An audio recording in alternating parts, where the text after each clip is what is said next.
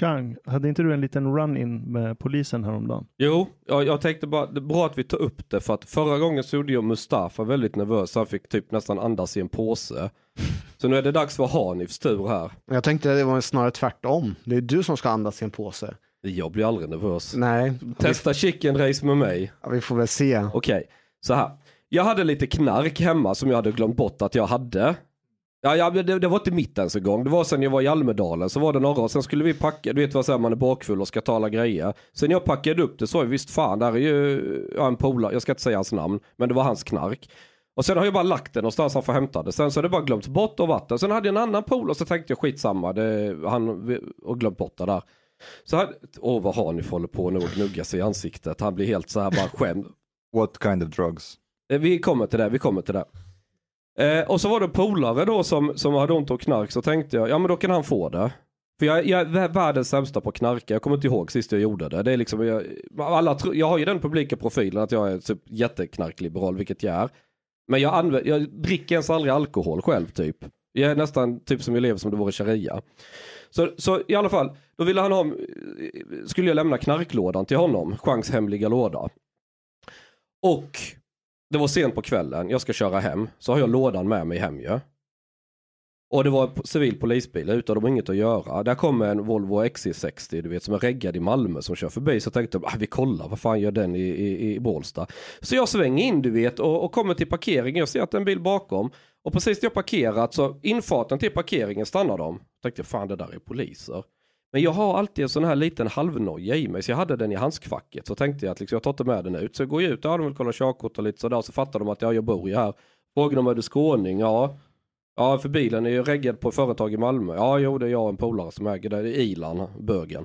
Ja. Så eh, nej så var det inte mer med det då. Men så slog det mig att jag har aldrig min hemliga knarklåda i bilen. Men just den kvällen så, så och bara- rent så här bara rutingrej så får jag en bil efter mig så är det två poliser. Liksom, vad är oddsen? Men så berättade jag detta för Hanif då, han bara du ska inte berätta sånt här för mig. Bla bla bla, jag är polis du vet och så här så tänkte jag nu måste jag testa honom, det finns en gräns så jag har med mig en överraskning. Här, hemliga lådan, så står det så här obs. Du kan läsa här. Ah, Okej. Det står hemliga Ja. lådan, Ja. obs, kan innehålla knark. Och hade man inte känt eh, chans Och då, och då har jag trott att resonerat så här. Nu lägger jag den på bordet. Så resonerat så här. Har ni för polis? Och någonstans här. Om jag provocerar honom tillräckligt mycket och säger det kan finnas knark i lådan. Vi vet inte men det, det är Schrödingers låda här. Om han börjar på allvar fatta misstanke om att det finns knark i lådan. Då måste han ju agera för han är polis. Och sen började jag fundera, räkna på, jag ringde advokat Henrik Sundström, han i Moderaterna och frågade vad, är, vad får, ringa narkotikabrott, vad åker jag dit på? Nej, det blir böter. Riskar jag körkortet frågade jag. Ja, det kan du göra, det beror på liksom omständigheter. Men så läste jag och kollade sådana här man kan googla ju. Är det inte risk, alltså är det så att detta äventyrar min nykterhet? Det är det man tittar på. Om jag blir tagen för att jag rökt på och man visar jag gör pisseprov och sånt där, men det gör jag nästan aldrig. Så jag borde teoretiskt jag borde teoretiskt klara mig. Grejen är så här, du vet ju, jag har redan sagt till dig att vi kommer ju, jag kommer ju skriva en tips till polisen. Ja, men det är så mesigt, du ska ju gripa mig för Nej, fan. nej, nej, jag måste förhålla mig till reglerna. Vadå, för får inte du gripa? Jag har ingen anledning att gripa dig. Ja men knarklådan ligger Ja, men jag där. kan ta knarket med mig och skriva in det, vi kan rapportera för dig. Du behöver inte bli gripen för det. Men vad är det Men här det för- som, det som kommer hända det är att först och främst så kommer jag skriva att Mm. du har varit och åkt bil och har haft en, eh, din hemliga knarkgömma med dig. Ja men jag har ju haft det här mitt framför näsan Ja, på. ja. Sen, sen så kommer jag också, du vet jag förklarade förut innan sändningen också, behöva skriva en orosanmälan till socialtjänsten. Och det handlar ju inte bara om dig, det handlar om din familj, dina barn. För är det så att det framkommer att du håller på omkring och viftar omkring med knark här och där, så måste jag, jag har skyldighet att eh, skriva Okej det här. då säger jag till dig här, det kan finnas knark Ja, ja, ja, den vi ska ta och titta Kommer på du det. öppna Visst, den ja, då? det är klart vi kommer göra det. Kommer han öppna ja, den då? Ja, ja, ja. Nu ska vi se här. Nu ska vi se vad, vad det är för Nu, nu jävla- vill jag filma honom. Ja, vänta, vänta, vänta med öppna, vänta med öppna. Jag måste filma, jag måste filma. Jag måste filma. Vänta, vänta, så, så, så, vänta, vänta, vänta, vänta. Jag måste få igång Ah, han är kameran. så jävla lö- Han är ju en sån jävla clown. Vänta, nu. Ja. Nu filmar vi. Ah, nu känner jag mig tvungen att öppna den här. Nu ska han öppna min Ja. knarklå, hemliga Ja, knarklåda. nu ska vi se vad det är för... När, när Chang hädan efter börjar här snacka om knark så kommer alla få veta vad han egentligen menar. Ska vi se Nu om kommer han han- är bluff. Nu kommer han bli... Ja, nu ska vi se. Jag ser, jag ser att det är tobak. Jag ser. Jag ser Det är löstobak. Jag har förberett mig. Ska vi se hur mycket löstobak han har i det här. Ashkan filmar också. Ja, då skulle fan vi explodera själva. Ja, ska vi se. Man blandar se. med tobak. Och sen risslapapper. Ah, han har fucking jävla risslapapper också. Ska vi. Ja, alltså det här kan faktiskt. Jag luktar på det här.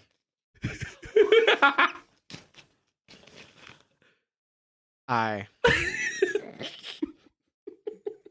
Alltså det luktar eh, typ organ eller någonting. Men du var lite nervös va? Nej, jag var faktiskt för en sekund nervös. Chang, i den här andra förpackningen står laktoshydrat 176 milligram och kaliumjodid. Varför Läs på baksidan var det. tabletter skyddar sköldkörteln mot upptagning av radioaktiv jod som kan finnas i luften vid kärnkraftsolycka. Ja just du jobbar ju med kärn... eh, Nej jag har ju elbolag som kör kärnkraftsel. Men de finns inte i apoteket. De får Nej. bara delas ut till folk som kan löpa risk för att... Men jag tänkte jag ska försöka köpa sådana på svarta marknaden och ge till alla mina kunder. Ja. Som en kul sån här grej. Ja, ja, nej men så eh, där, det, det här var det lugnt. Ska vi se här då. Här är Det var tobak. gammal torr tobak. Vänta, jag ska lukta. Ja, gör det. Ja, det luktar faktiskt gammal torr tobak. Okej, okej. Vet du vad? Jag kommer skriva att du går omkring och snackar skit om att du har massor med knarkgrejer. Alltså att du egentligen bara, allting är bluff. Du är ett stort fucking jävla bluff. Jag vill ju göra lite nervösa. Men det är ju, det är ju, är det någon som är nervös så borde det ju vara du. Det är ju inte jag, jag gör ju bara vad som förväntas av mig. Jag, jag, jag var på väg att ta med äkta men så tänkte jag att det, nej, det kommer bli för oschysst mot honom. Ja, för, framförallt oschysst mot dig själv och din familj. Nej, men familj, det hade inte varit något. Hej, du hade fått ta en sån här samtal som Ivar Arpi. Så har massor med Ja men batikhäxa, oj vad hemskt. Det är ju så, det är så förorten killarna, Bli- ser du en enda jävel som blir rädd av en batikhäxa? Ja han sitter där, nej jag skulle bara skoja lite med polisen. Ja men du ser ju invandrare och förtryckt säger jag till henne så blir hon våt i trosorna och tycker synd om mig. Så enkelt. Mm. All right, okej. You got me. Men än så länge så har tesen som Mustafa har haft om dig stämmer in. Jaha. Det är bara bluff och båg. Du är en snäll Nu person. försöker du göra... Nej, du är bara en Detta är snäll person. brottsprovokation. Ja. Detta Säg är inte det där för det kommer att spåra ur nu. Allting är bara bluff. Är Allting är bara bluff. Ingenting stämmer. Du håller inte på med några droger. Du håller inte på med någonting. Du försöker skapa en image som är bara fake. Var SD din första partipolitiska? Nej, Inte Liberalerna var det. va? Liberalerna var det. Liberalerna? Nej, Moderata ungdomsförbundet. Aha. Jag är ju gammal muffare i grunden. Så här. Mm. Ja. Men eh, vi hade sån här diskussion, Niklas Wykman kom dit när han var ordförande, detta var länge sedan. Så eh, var man lite, ja, jag, vet inte om det var, jag minns inte om det var när Wykman var där, men det var vid något tillfälle de snackade om, det var 2000, efter valet 2006. Och då skulle Mona Sahlin bli partiledare, eller hon blev partiledare, jag skulle, ja. Och då var man jättenervös över att shit, Salin kan vara rätt jävla giftig du vet och det snackas inom MUF att fan vi, vi ska inte ta det där på, liksom vi får ta det på allvar och inte bara vifta bort. Men så var de oroliga över en annan sak med och det var SD. För det, jag bodde ju i Kristianstad i Skåne och där satt ju SD redan i fullmäktige i Kristianstad och i en rad andra skånska kommuner. Så SD var ju väldigt etablerad i Skåne. Mm. Och de var ju oroliga att inför 2010 så skulle SD kanske kunna ta sig in i riksdagen och det vore ju, du vet, och det, det var man bekymrad om inom MUF då när vi snackade om det. Så ja, har ni några idéer på hur man ska komma åt SD? Så ja, men det är skitenkelt. Det är bara att prata om de problemen som SD tar upp ju. Mm. För då behöver folk inte rösta på SD. Mm. Och så, jag hängde ju mycket med folk i, det heter Gamlegården i Kristianstad, folk som är typ från Basra i södra Irak, en stor familj. Och det var ju det här invandrarområdet, eller ja du förstår vad jag menar. Och alla där snackade om att fan det håller på att gå åt fel håll liksom. Ungdomar blir kriminella. Det, händer, alltså, det stället det händer mest skit på det är ju där, du vet vad jag menar, det här liksom höghusområdet, miljonprogram och så vidare. Och jag tog upp det med MUF då, jag liksom att det, händer, det är problem där. Och vi behöver prata om det här med invandring liksom, för det är de, det där det börjar så att säga. Med kriminalitet, utanförskap och allt det här. Och då var de livrädda att ta diskussionen. Bara, Nej, vi är för mångkultur. Det har vi bestämt. Det där är ingenting vi diskuterar. Bla bla bla. Bara så, pang. Mm. Så, men det har, det har ingenting att göra med att man är för eller emot mångkultur. Men funkar det inte i verkligheten så kom igen. Men då, blev jag, då tyckte jag det var jättejobbigt ja, att jag var sån ja. Så då började de så här eh, småpsyken. Men ska inte du gå över till SD snart du vet bla bla bla och hålla på sådär. But they didn't want to talk about any integration problems. Nej, nej, nej, nej, nej, nej, nej, nej, nej. Att ens antyda att det fanns sådana problem. Mm. Så, så var det ju halvt nazist ju. Mhm. Alltså det var helt jävla sjukt vad de var. Och jag, och jag är ju sån, när jag märker att folk blir liksom nervösa och prata om något, då vill jag ju hamra med på det. Vad, vad är det som är så jävla konstigt med det? Mm. Så jag, jag, jag slutade ju inte, men till slut så blev jag ju omöjlig där ju. Och då blev det en sån här grej att jag snackade lite med lokala SD, för jag bara undrar vad, vad är det för, för liksom, på den tiden, då var de verkligen knäppskallar. Folk i SD. Mm. Hur? Men alltså det, socialklass 3,8, alltså du vet det var sämsta, folk som inte haft någon karriär i sitt liv överhuvudtaget typ. Sådana riktiga jävla byfånar. Alltså ofarliga människor med byfånar. Kunde, Såg ni, jag såg Mullvaden. Såg du det? Ja, SVT Mullvaden. Hur Eh, fet var inte den? då tänkte jag alla som var med i den, i den alltså vi som älskar diktatorn, alla var ju arbetslösa så som det beskriver. Har, vet, du vad det, vet du vad det är för film? SVT Play har en dokumentär som heter Mullvaden. Berätta Ashkan vad det handlar om. Väldigt kort, det är en, eh, det är en dansk kock som kontaktar någon filmskapare som har infiltrerat Nordkorea för länge sedan. Men som inte kan fi- infiltrera igen, obviously, för att Mm. de vet vem man är. Mm. Så han kontaktar honom och säger att han kan vara hans nya infiltratör. Mm. Eh, För han är helt okänd i Nordkorea och människor som bryr sig om Nordkorea. Mm. Så han börjar infiltrera intresseförbund i Danmark som är så här nordkoreanska intresseförbund Ja. som ser Kim Jong-Il, eller på den tiden då, som så här världens eh, globala ledare. ja, Så de har som mission att installera Nordkorea som global eh, supermakt, som globalt imperium. what could possibly go wrong?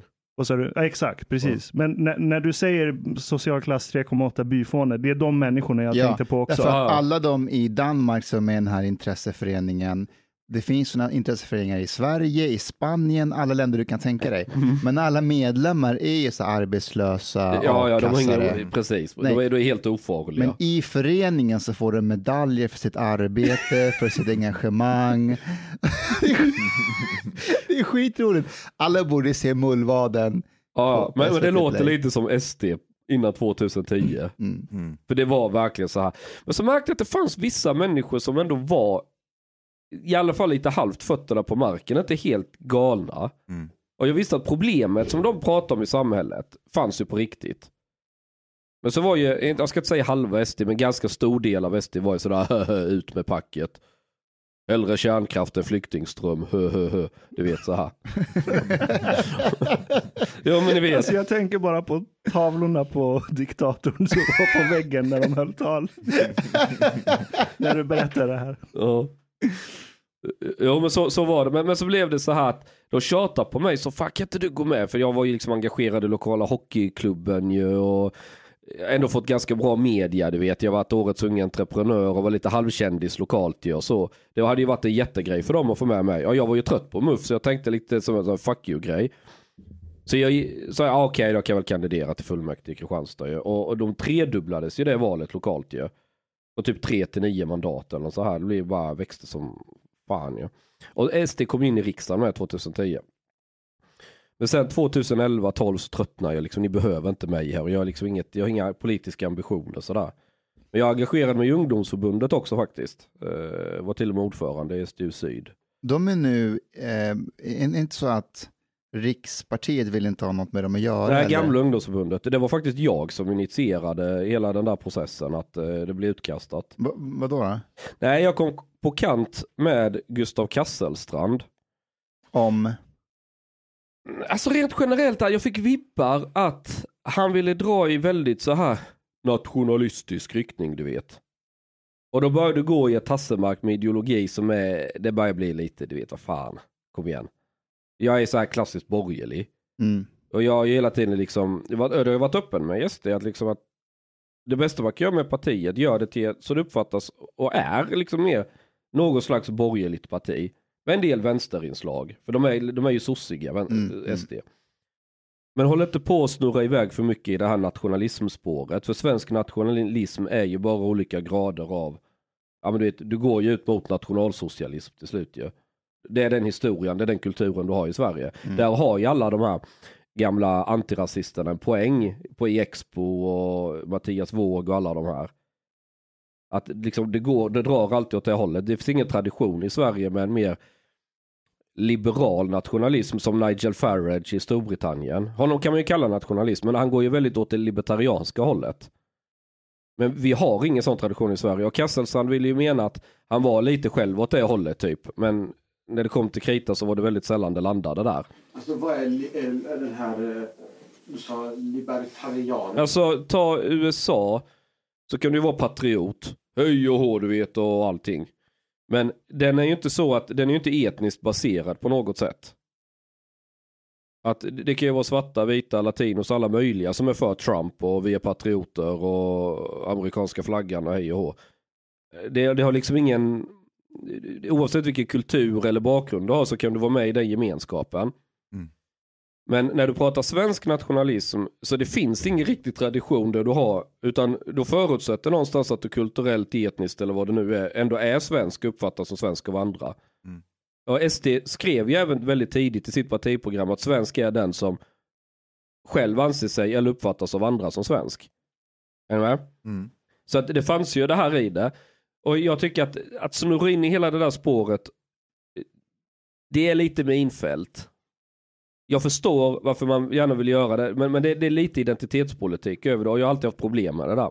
Och SDU vill ju dra, dåvarande SDU vill ju dra hela partiet väldigt åt det hållet. Och jag började varna då bland annat Mattias Karlsson och andra att liksom de där killarna, de, de vill inte bli mer liksom salongsfähiga. De är på väg åt ett annat håll. Och de trodde ju inte på mig riktigt. Det är ju typ det AFS har blivit. idag. Ja exakt, exakt. Ja, men det är ju Kasselstrand, det är ju gamla, Ja. det, det, är gamla SDU som startade AFS ju. Och de tog ju till och med med sig några som hoppade av från riksdagen ju, i SD som gick, gick över. Och jag, jag, jag tjatade lite på Karlsson om det där att det är lite fishy, jag får inga bra liksom. Så jag, jag hade ju SDU Syd som var typ 40% av medlemmarna då. Så jag, jag var ju jävligt stark internt i SDU och jag hade ju konstant konflikt mot Kasselstrand ett tag. Och då började ju partiledningen fatta att vänta lite, det finns en liksom, ja, jag har en poäng i det jag säger. Det, det blev tydligare och tydligare, för jag började nästan riva upp den här konflikten lite mer, för då kommer de ju avslöja sig mer. Och mycket riktigt så, men sen i den vevan när jag lämnade ju alltihopa ungefär i vevan när de blev uteslutna och utkastade, då hade jag liksom också, jag kände att jag hade gjort mitt lite. Vad, vad var det som eh, gjorde att, eh, att de blev uteslutna till slut? Nej men det blev ju uppenbart att Kasselstrand och Hane hade ju en annan linje än vad partiledningen ville.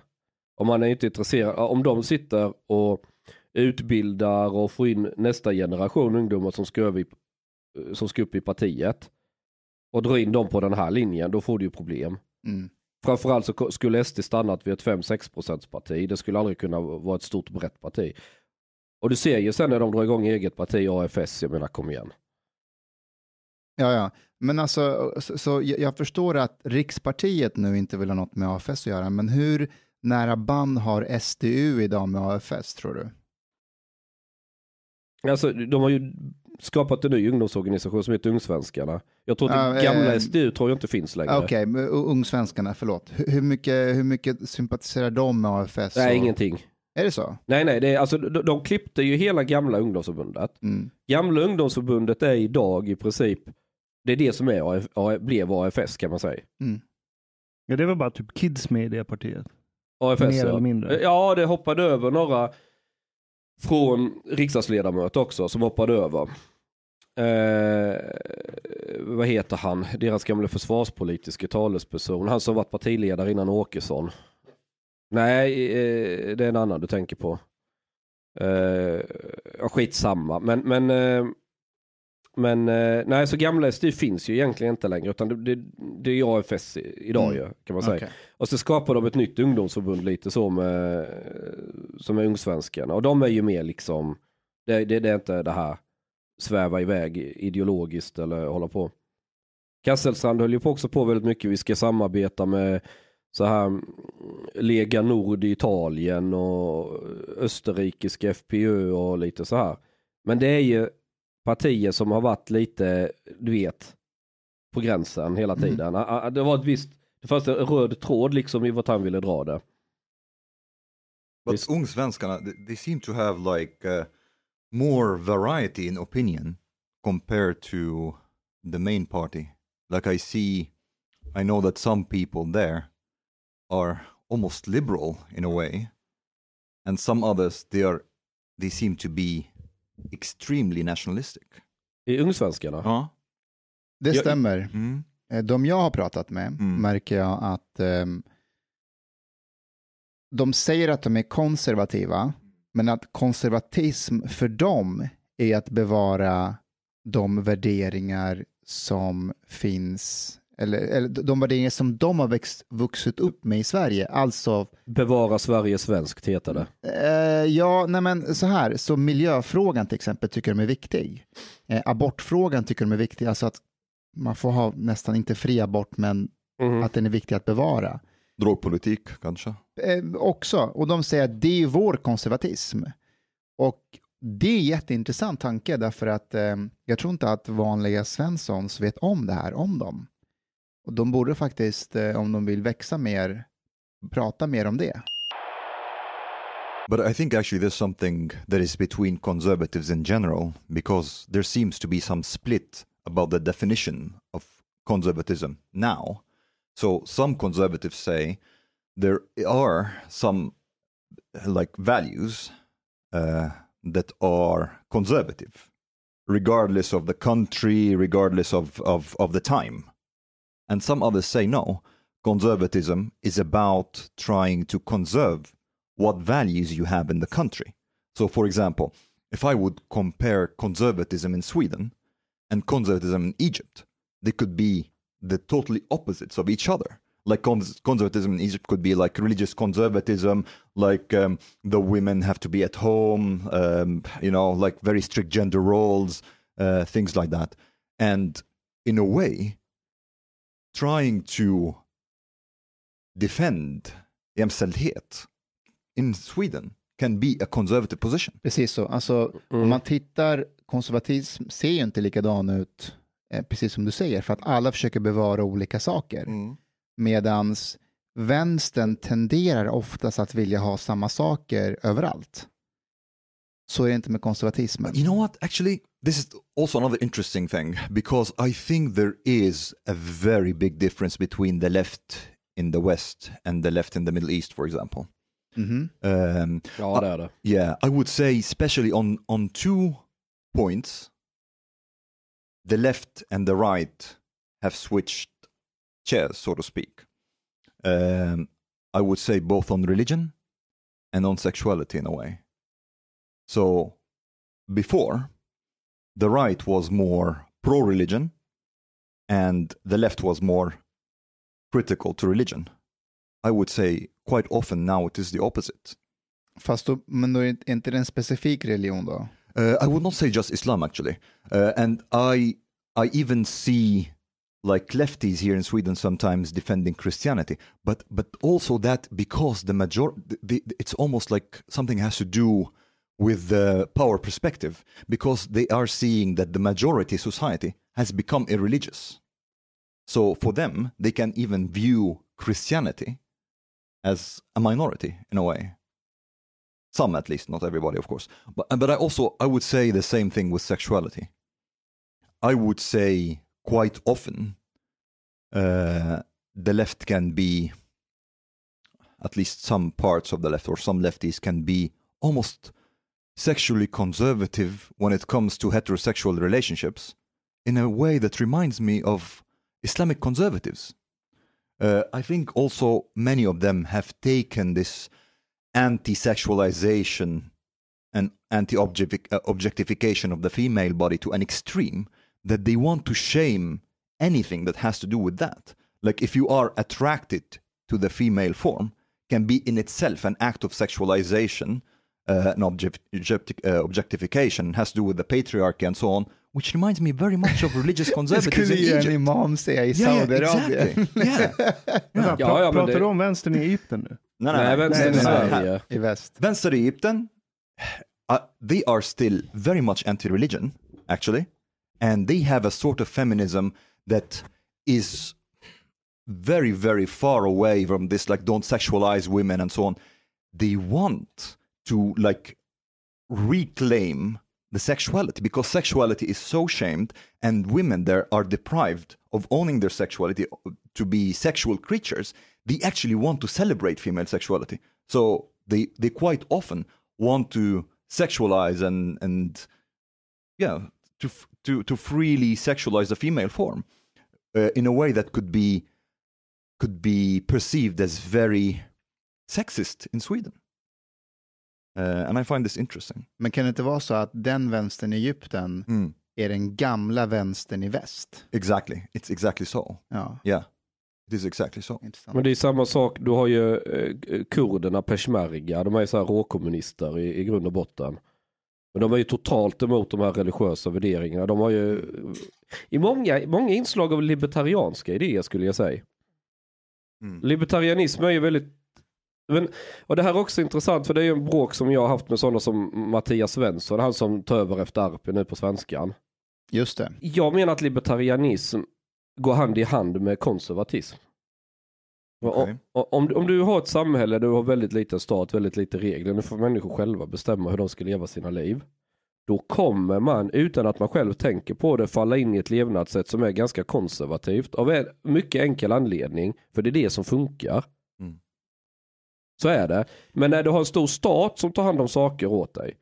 Då har du mindre ansvar som individ och du kan skylla om någonting går fel i, i mitt liv. Ja men då kan jag skylla på samhället och någon partikexa på soskan sätter huvudet på sned, kisar med ögonen och ja men det är synd om dig, nu ska vi ett litet åtgärdsprogram här och så får du lite bidrag, bla bla bla bla. Du vet, du lär dig aldrig ta eget ansvar och, och liksom bli en vuxen människa. Och det är ett sätt, det är ett maktinstrument liksom så. Och där, då kan du hålla på med progressiva idéer. Ett bra exempel på att konservatism och libertarianism går hand i hand är Henrik Jönsson. Ja, Han ser jag verkligen som, som både och. ja lite så. Jag, jag gillar ju... Ska vi ringa honom och fråga? Gör det. But but you know what? It's like actually I think labels that have become like that are so broad and become so like almost misused or and also overused. They have become very difficult to to use really linguistically even. Like I find it difficult to use the word conservative or even liberal. Uh, these words like or or even the term feminist. Uh, uh, they have become so uh, loaded in a way that they cause linguistic problems. Uh, so I wouldn't even know how to describe myself like ideologically. Man måste nog definiera, så vara tydlig med att definiera. För att Mm. folk kan väga in helt olika saker i ett och samma ord. Yeah, exactly. Exactly. Liberal konservatism. Jag tror att de i USA tycker att vi är sjuka i huvudet i Sverige som kallar oss för liberal konservativa. Vi är sjuka i huvudet i Sverige. Men allvarligt, att de två meningarna eller de orden går i ett. Ja. De skulle ju säga så här. Choose! Mm. Vi kan inte ha kakan och äta den också. Välj! Ja, men Sverige är mellanmjölk, velighet. Ska vara lite... Vad säger Ashkan? Men är, är inte lib- liberal konservativ, det är väl libertarianism egentligen? Ja, Typ. men ändå inte. För moderater är inte libertarianer.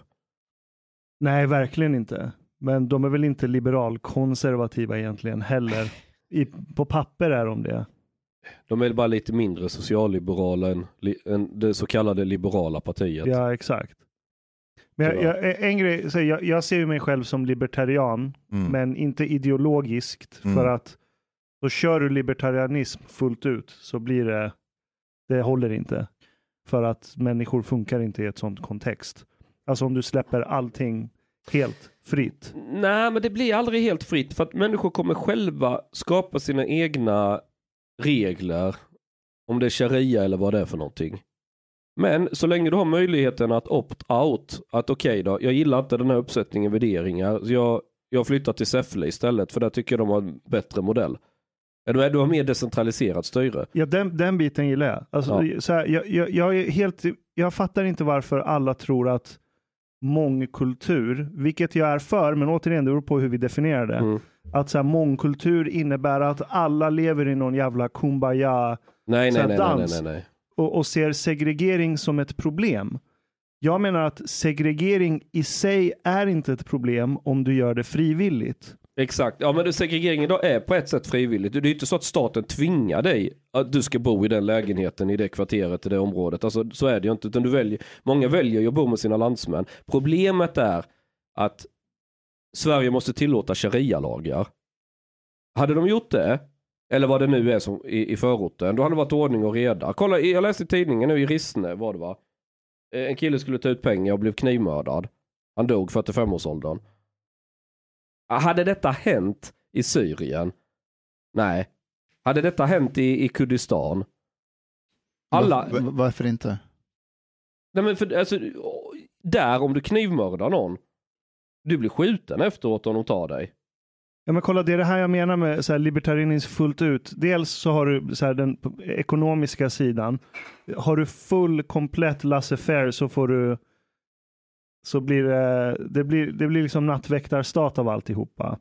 Det, det, där liksom, om man läser så här hardcore libertarianer, typ så här Murray Rothbard, så här, nej men staten behöver inte ta hand om polisen, utan det kan bildas privata polisföretag som... Jo, då eh, kommer det du är bara ersätta staten. Du kommer bara ersätta, staten. Det, det kommer aldrig bli anarki, för människor vill inte ha anarki, förutom i Sverige. Här tycks man tillåta det. Det jag köper att det inte kommer bli anarki. Det är som Kevin Kelly sa, greed cures anarchy.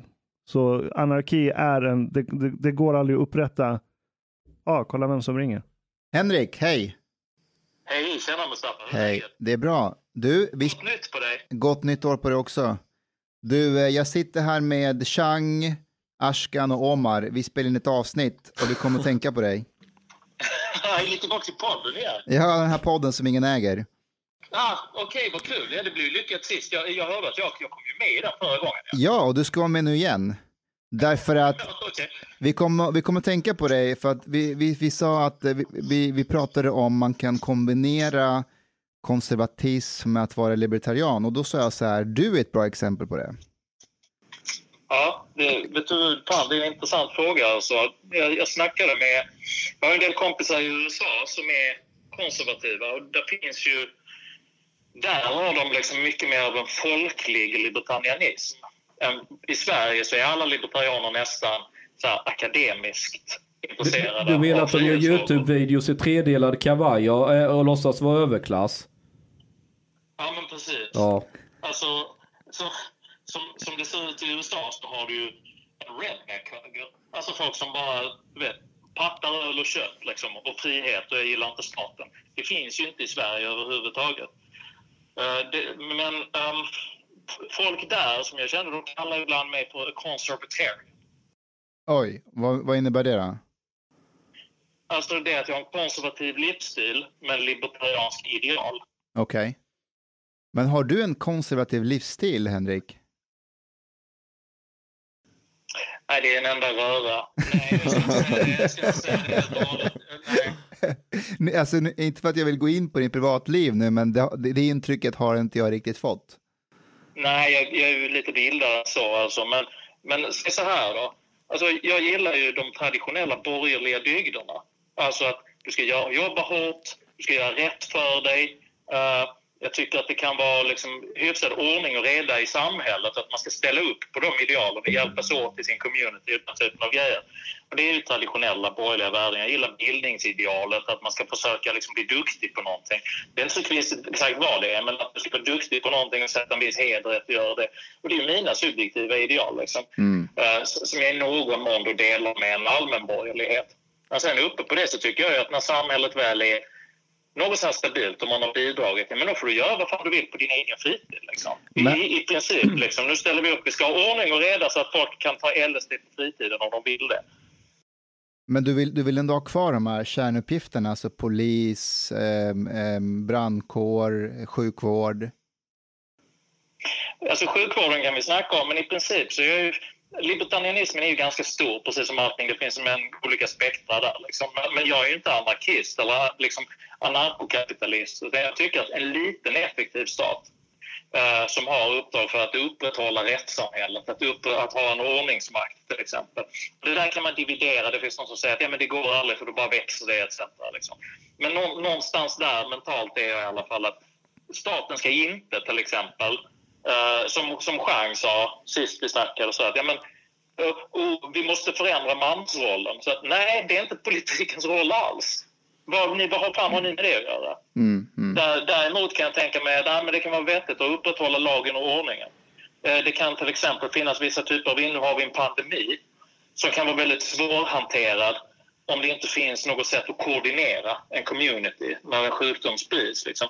Så att den branden av libertarianism som, som jag har lättast att ta till mig, där finns det en kärnuppgift som handlar om att hålla gränsen så man vet liksom ungefär vilka det är som är med i ens community. Och sen så handlar det om att hålla de här människorna i säkerhet från mm. externa hot. Om det kommer liksom pansarvagnar som rullar in så spelar det ingen roll hur jäkla fria vi är om vi inte kan upprätthålla vår egen trygghet. Så någon, någon slags balans där. Liksom. Så kanske conservatarian ändå. Ska man kunna köpa heroin på Coop? Silence.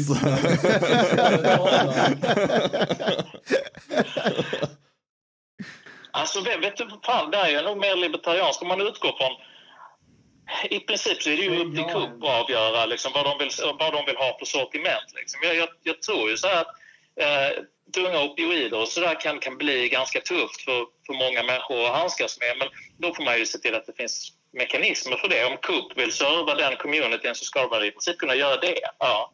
Det, mm. det, tycker jag för att det finns ingenting intrinsikalt i just droger som gör att det är dåligt eller farligt utan det handlar ju om att människor som kanske är på en dålig punkt i livet och, och liksom har behov av att försöka fly från tillvaron kan råka hamna i missbruk om det finns. Men jag menar, det som finns nu det är ju alkohol liksom, och, och, folk fastnar i det eller i andra grejer, i spelmissbruk eller olika grejer. Så frestelser finns ju alltid. Så det, det, det, det korta svaret på din fråga ser jag i princip inte emot att, att de här grejerna skulle finnas. Men att, då får det ju finnas andra mekanismer som samhället tillsammans bygger upp då för att komma till rätta med de som faktiskt får problem med, med de här grejerna. Så att jag vill undvika med det egentligen kritiken. Så, ja, men du är bara libertarian, du skiter i alla. För missbruket kommer bli förfärligt, alla ligger i rännstenen. Det är ingen som vill. Jag tror bara inte att jag tror inte att förbud generellt funkar så jävla bra heller. Utan då skapar man bara svarta marknader istället och då är det ändå farligare. All right. Eh, Henrik, tack för din tid. Tack själv. Det är trevligt, trevligt att vara en sån telefongubbe i ja, men vi, vi uppskattar att du bara eh, svarar och, och, bara svarar också. Och är med en stund. Tack. Ja, men det är klart. Jag har dig på sån superalert. Så att... Jacuzzin där och röker cigarr liksom. Så typ Panshiri is on the line. ja, men du Henrik, har du vägarna förbi eh, Stockholm så är du välkommen här. Ja, men jättekul. När, bara när coviden får lägga sig lite grann så hoppas jag vi ses snart. Ja, men du får göra en nödvändig resa. Ja, men då, då spelar vi in på Kanarieöarna. Vi tar in på Nu snackar vi. ja, det är bra. Hälsa familjen, så hörs vi. Jag ska göra det. Ha det bra, grabbar. Hej, hej. Det är väl klart alla känner ibland att fy fan vad gött att ha ett eget kalifat. Har aldrig ni tänkt det? Att skulle vara riktigt så här. Om, om jag är så här libertarian, jag skulle vilja utropa ett eget kalifat i Bålsta. Stjärnkalifatet. Mm. Hur, skulle det, hur skulle det se ut där? Det skulle vara, jag skulle ha sånt där högkostnadsskydd på apoteket du vet, direkt som vi har idag. Så du kan få ut allt knark utan att du ska behöva bli ruinerad. Och det kan vi finansiera genom att dra en gasledning åt ryssarna över till Norge eller någonstans var de behöver dra sin gasledning. Så, så har ju både Ukraina och Vitryssland gjort det för att finansiera. De, okej, okay, ni kan få skicka gas igenom men vi kommer ta en jävla peng för det. Köper den billigt, säljer dyrt. Så behöver ingen jobba, så kan alla vara lata. Det är perfekt. Och så raggarbilar, du får bara köra raggarbilar. Alla nya homosexuella laddhybrider och sånt är förbjudet. Och det måste vara vinterdäck överallt med, med dubbar. Tvärtom Hornsgatan. Skulle du vilja ha ett sånt kalifat också när dina barn blir lite äldre? Ja. Ska de ha tillgång till det här apoteket och högkostnadsskyddet? Ja, alltså vad som helst som kan rädda dem från att bli feminister.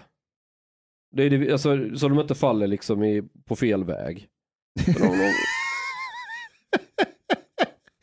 här, Högkostnadsskydd, apotek, droger. Det är rätt väg. Men feminism, det är fel väg. Ja, ja, ja, ja, de kan ju bli homosexuella. Vad fan? Ja, men jag, jag, vet du, vet du, ska Oh, berätta en oh, sak. Okej, but jag- what- what's wrong apropå, with- apropå, apropå den diskussionen, jag ska berätta en grej som är helt seriös. Jag har, min, min tjej, hon är ju från Ryssland. Och hon är ganska så här liberal, du vet. Alltså, hon, är, hon är mer svenne än vad jag är. Men de gillar ju inte homosexuella där. Ja, Men min, min, min sambo har inga problem med det. Eller Är det så? Nej, nej, nej, hon är ju helt så här. Men hennes mamma, Mm. hon är ju typ bolsjevik, jag kallar henne KGB. Alltså det går, alltså där riktig rysk babusjka. Och, och alltså hon, hon är värre än ta mig fan. Och hon är så, jag skojar ju med henne ibland så säger jag så här att Ja Ah, men du vet det är ju Pridevecka nu i, i, när hon är på sommar. Jag tänkte vi ska dra dit mungarna. Hon skriker rätt ut. Alltså hon blir totalt, det går inte att skämta om det. Ungarna ska fan inte se någon jävla lack och läder eh, och eh, Pridevecka. Det förstör ju barnen. Hon är ju helt så här mot det. Och en dag när jag bodde i Hallunda så kommer Ilan på besök. Du vet Ilan Saade, partiledaren. Med, medborgarsamling. Ja, han äger ju 15 procent i, i så här, vi har ett gemensamt bolag som äger typ Nyhet Idag och annat. Kärnkraften och sådär. Så han är ju typ affärskompanjon och honom känner jag inte på grund av Medborgerlig Samling utan långt tidigare. Han är ju med från Skåne och jurist. Det började med att han skulle stämma mig och så, ja skitsa jag kan dra den historien en annan gång. Men, men, vi, blir, men vi, vi blir polare i alla fall så, så har vi business ihop. Så han var och hälsade på och Ilan är ju så här väldigt välklädd, alltså typ raka motsatsen till mig. Han är välklädd, fixat håret, eh, för sig väldigt trevligt, ordentligt allting. Och så var min så typ svärmor, hon babushkan där och de satt och pratade två, tre timmar om allt möjligt. Och hon var så betuttad i honom och det var så sen efteråt när han gått så sa det var precis som att första gången jag pratar med en, med en kar som verkligen förstår mig. Och så ja men det är väl klart han är ju bög. Och vad, sa du? Han är ju gay, han är ju gift med en kar. Det är väl klart att ni, att, att, att, eh, eh han är ju som ett fruntimmer i huvudet. Jag sa ju till henne, det är väl klart att ni förstod varandra. Och hon blev så här superchockad. Hon gick alltså i tre dygn och kunde inte bestämma sig vad hon ska tycka om den här upplevelsen. För hon hade ju så trevligt, men han är ju bög. Men så var det ju så så hon gick och pendlade mellan de här två Men, lägena. men, men, men är inte det här som gör att homofobi, rasism faktiskt är rätt roligt? För att det- det är så ologiskt. ja. Alltså här, här sitter en kvinna och har det väldigt trevligt med, med en person. De, de pratar om allt och inget antar jag. Och så får man reda på att ja, men han, han, han gillar att ligga med män, inte med kvinnor. Och så Ja. bara ändras hela ens uppfattning om den personen, eller håller på i alla fall. Jag, Som- jag tror hon förträngde hela det där. Hon insåg att hon kunde inte landa i någonting vad hon skulle tycka. Mm. Så hon, hon försöker bara förtränga det ur sitt sinne och låtsas som att allt är frid och fröjd. Mm. Och hon har så här, men det är jätteroligt att utsätta henne för saker. Jag, jag kan inte släppa en grej kring eh, det här med det du sa om så här, varför det är ändå kul med homofobi och rasism och sånt för att det är så jävla ologiskt. Det påminner om eh, en grej Joe Rogan sa på sin stand-up tror jag. Att så här, All homophobes are secretly worried that dicks might taste delicious. Det, är, det, är, det är så jävla sant. Och så jävla freudianskt. För det är så här typiskt, i alla fall i USA, så här, de mest högljudda så här, homofobpolitikerna, det är alltid de som ertappas i något så här, toalettbås, näsan fylld med kokain och någon så här manlig så här, sexarbetare. Sig. Wasn't this like the, the Hungarian Jo. politician? Yes, Exakt. yes, Ja, ja, yes, exakt. yes. Uh, Det so var there was this. Hungarian po- Where was he? He was like in some kind of like Right, very right wing party. was it the right wing? Uh, he Yeah, comes yeah. from right wing party, all, but he det was är like a alltid, det är alltid Ja. så. it he was like an homosexual, like Han Ja. var på någon stor ja, men homo, homo, homofest. yeah. Alltså det var Exakt. verkligen, de tog dem bokstavligen med byxorna nere. Och han, eh, Och, och, och brottet han- var ju inte att, att det var eh, sodomi, utan Nej, det nej. var ju att de samlades för många på grund av covid-restriktionerna. så han, han hoppade ner, han, han, han krossade något fönster och hoppade ner. Naken var han. Ja, naken. Och, eh, Och och, och, och skar sig på händerna så de, de hittade honom med en blodspår tror jag. Yeah. Ooh. Here, Hungarian MEP resigns over lockdown party. A conservative Hungarian MEP and close ally of Prime Minister Viktor Orban apologized Tuesday after Belgian police caught him fleeing a lockdown busting party that local press described as an orgy. Jo, men det, det, är- det, Alltså det är respekt för den Alltså han och Dan Eliasson, vad är det mina idoler? Den där SVT-journalisten som var med honom, vad gjorde de två egentligen? Var en SVT-journalist med honom i Kanarieöarna? Ja, Just det. Nej, det har jag missat. och det är ju också så här helt sjukt, okej. SVT, de ska ju granska makten. Ja. Det åker en fucking journalist med generaldirektören för MSB som bryter mot reglerna och hänger där nere och, och festar med honom eh, på Kanarieöarna. Alltså åkte de samtidigt? Jag, jag vet inte om de åkte samman, men, men de var med varandra där nere och det har Expressen visat. För den här SVT-journalisten har ju lagt upp bilder på Instagram där han är där med Eliasson eller vad. Jag tror det var något sånt det stod. Erik Galli. Mhm. Jag vet inte. SVT-journalisten. Jag vet inte heller vem det är. Hmm. Där ser man. Nej, men det, här med, det här med att rasism och homofobi och, och att, att det är roligt. Jag har, en, eh, jag har en vän som är från Eritrea. Mm. Han berättade för mig att han vid ett tillfälle var med andra eritreanska vänner på tunnelbanan här i Stockholm. Eh, och eh, de skulle in, eh, jag tror det var gröna linjen. Så när dörren öppnas, de, de är liksom fem, sex stycken. Mm. Det är sent på natten, de har druckit lite för mycket. Så du vet när dörren öppnas så ska man ju låta den som är inne komma ut, gå ut och sen ska man in. De skiter i det där, så de, när dörren öppnas så är det en gammal tant i rollator som är på väg ut, men de blockerar ju hennes väg. Och hon är gammal och så säger hon så här, ni är så jävla många. och de här killarna från Eritrea, de tycker att det är skitroligt. De, de lägger sig ner och dör av garv. För att hon menade ju uppenbarligen, tror jag inte, ni svarta är så många, utan så här, varför är ni så många? men, men det blir så komiskt på något sätt att det kommer från hennes mun.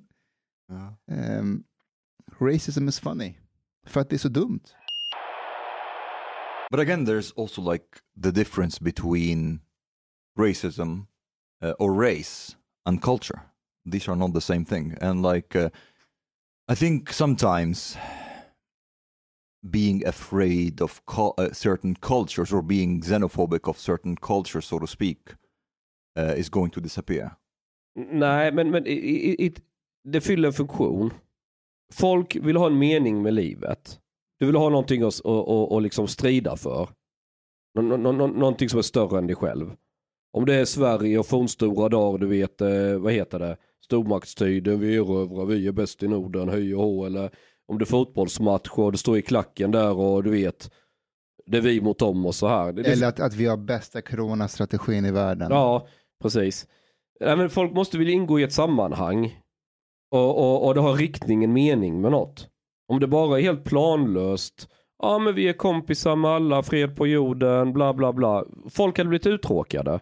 Mm. Det hade inte funkat, vi, vi, människan är inte skapt så. Yeah, but but not just that. There's also different cultures have different cultural norms and cultural values. Ja. and it's not at, it's actually logical that if you have like let's say two cultures that are the extreme opposite of each other's when it comes to norms and values it's not strange that there will be some apprehension between them and some tension that's Mm. not that's not strange Nej. Men jag menar, om vi inte hade haft krig i världen, vad skulle Hollywood då göra filmer om?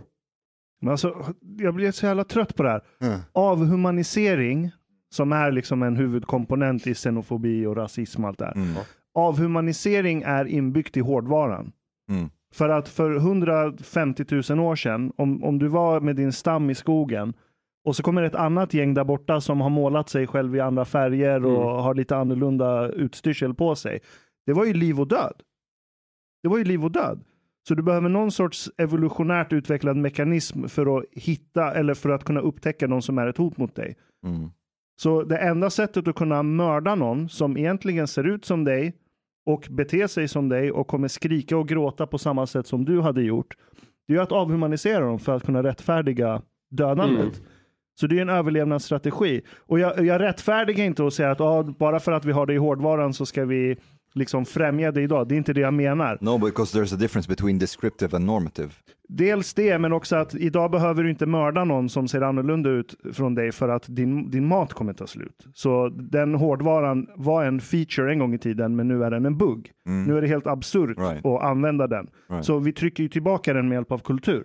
Med kultur kan du trycka tillbaka saker som är inbyggda i hårdvaran. Ja. Men hyckleriet kommer i att så här, åh det är så fult att avhumanisera, men det är så alla mänskliga samhällen avhumaniserar. Det finns Ja. inte ett enda samhälle som inte avhumaniserar någonting. För det första, eh, om du är en så här jätteduktig, perfekt, fördomsfri antirasist i Sverige, då avhumaniserar du ju rasister till att börja med. Ja. Hela västvärlden avhumaniserar terrorism. Och så här, ja, ja, jag är emot terrorism, dö. Men du skulle kunna göra ett argument för att så här, nej, men terroristerna är freedom fighters från sitt perspektiv. Ja men det är de, De ju. Det är skickar- exakt så de ser världen. Ja, Det är ju vi, alltså det är ju västvärlden som är de onda sodomiterna och de är Exakt. de renläriga och Ett, ett, ett bra exempel på det där är, ni vet hela den där Hamid Safar-gate som var för några månader sedan. mm. Hon, eh, vad hette hon, Boysén, Frida Boysén. Ja hon som var så, hon proffsgråterskan. Ja, men Åh hon- nej, va? Jag vet, men eh, hon, då sa hon så här, hon, hon grät i Aftonbladet eh, dagar in och dagar ut. Mm, väldigt vänta, äkta på tårar. grund av Hamid Zafar? Ja, därför att de två var ju med På spåret och det avsnittet ställdes in. Och då sa hon vid ett tillfälle så här. Om jag hade vetat allt det som Hamid har gjort så skulle jag aldrig ha satt mig i samma bås som honom. För jag tycker att alla människor är lika mycket värda. Mm. Alltså fattar ni? Ska- Men alltså, och, men ja, inte hon, Hamid. Ja, men hon, hon gör ju samhället en tjänst. Hon, hon bekräftar ju att fördomar om blondiner är korrekta. Det gör hon ju med det citatet. Det är också en grej jag stör på. Vadå alla människor har lika värde? Det är bullshit. Nej, det Nej, det är bullshit. Alla har inte samma värde. Men du vet var det där kommer ifrån va? Nej. Det är från FNs eh, deklarationer. Men man om- felöversatte värdighet till Ja, värde. Det står att alla människor har, lika, alltså, har samma värdighet. Eller, Och- man ska jag inte... skiter i om det står i FN. Det är bullshit. jo, jo, men det är där det kommer ifrån. Det är Sverige det enda landet som har översatt det fel och vi har missuppfattat det. Så det blir det här alla människors lika Alltså vad vad det värde. handlar om, det, du FN, menar så, det, det okej. FN menar är typ bemöta alla med samma respekt, alltså ge alla samma förutsättningar Så till i, i exempel, grunden. till exempel eh, Breivik är inte lika mycket värd som, Fuck no. eller hur? Men han förtjänar, när han sitter i fängelse så förtjänar han en värdighet. Alltså att, han, att, att när man ger honom maten så ska man inte pissa i hans mat. Och, Ja, ja, annars blir det som Iran. Du gräver ner snubben i sand och kastar sten Han tills han förtjänar också en värdighet, men han är inte lika mycket värd som alla Det andra. köper jag. Men Så- i så- Sverige har vi tagit det och bara sprungit iväg med det. Det är sen det här med alla lika värda. Och det är så jävla fint att säga det, men det är ingen som tycker det. Kommer det till kritan är det inte en jävel som tycker det. Det är bullshit. But wait, värdighet is dignity or? Yeah, dignity. dignity. Yeah. So dignity and value. Yeah, there's a difference there. It's a big difference. Yeah, yeah. Mm. Det är som när Saddam, liksom, när, han blev, när de hittade honom så här i, ner i kryp i det där röret där han hade gömt sig. I en håla ja. Ja, och det är så här, ja, han är fan inte värd lika mycket som alla andra människor. Mm. Men när han låg där i sina smutsiga kläder och skägget han inte hade kunnat raka på flera veckor. Liksom, han var ju strippad på all makt, all pondus, allt var borta.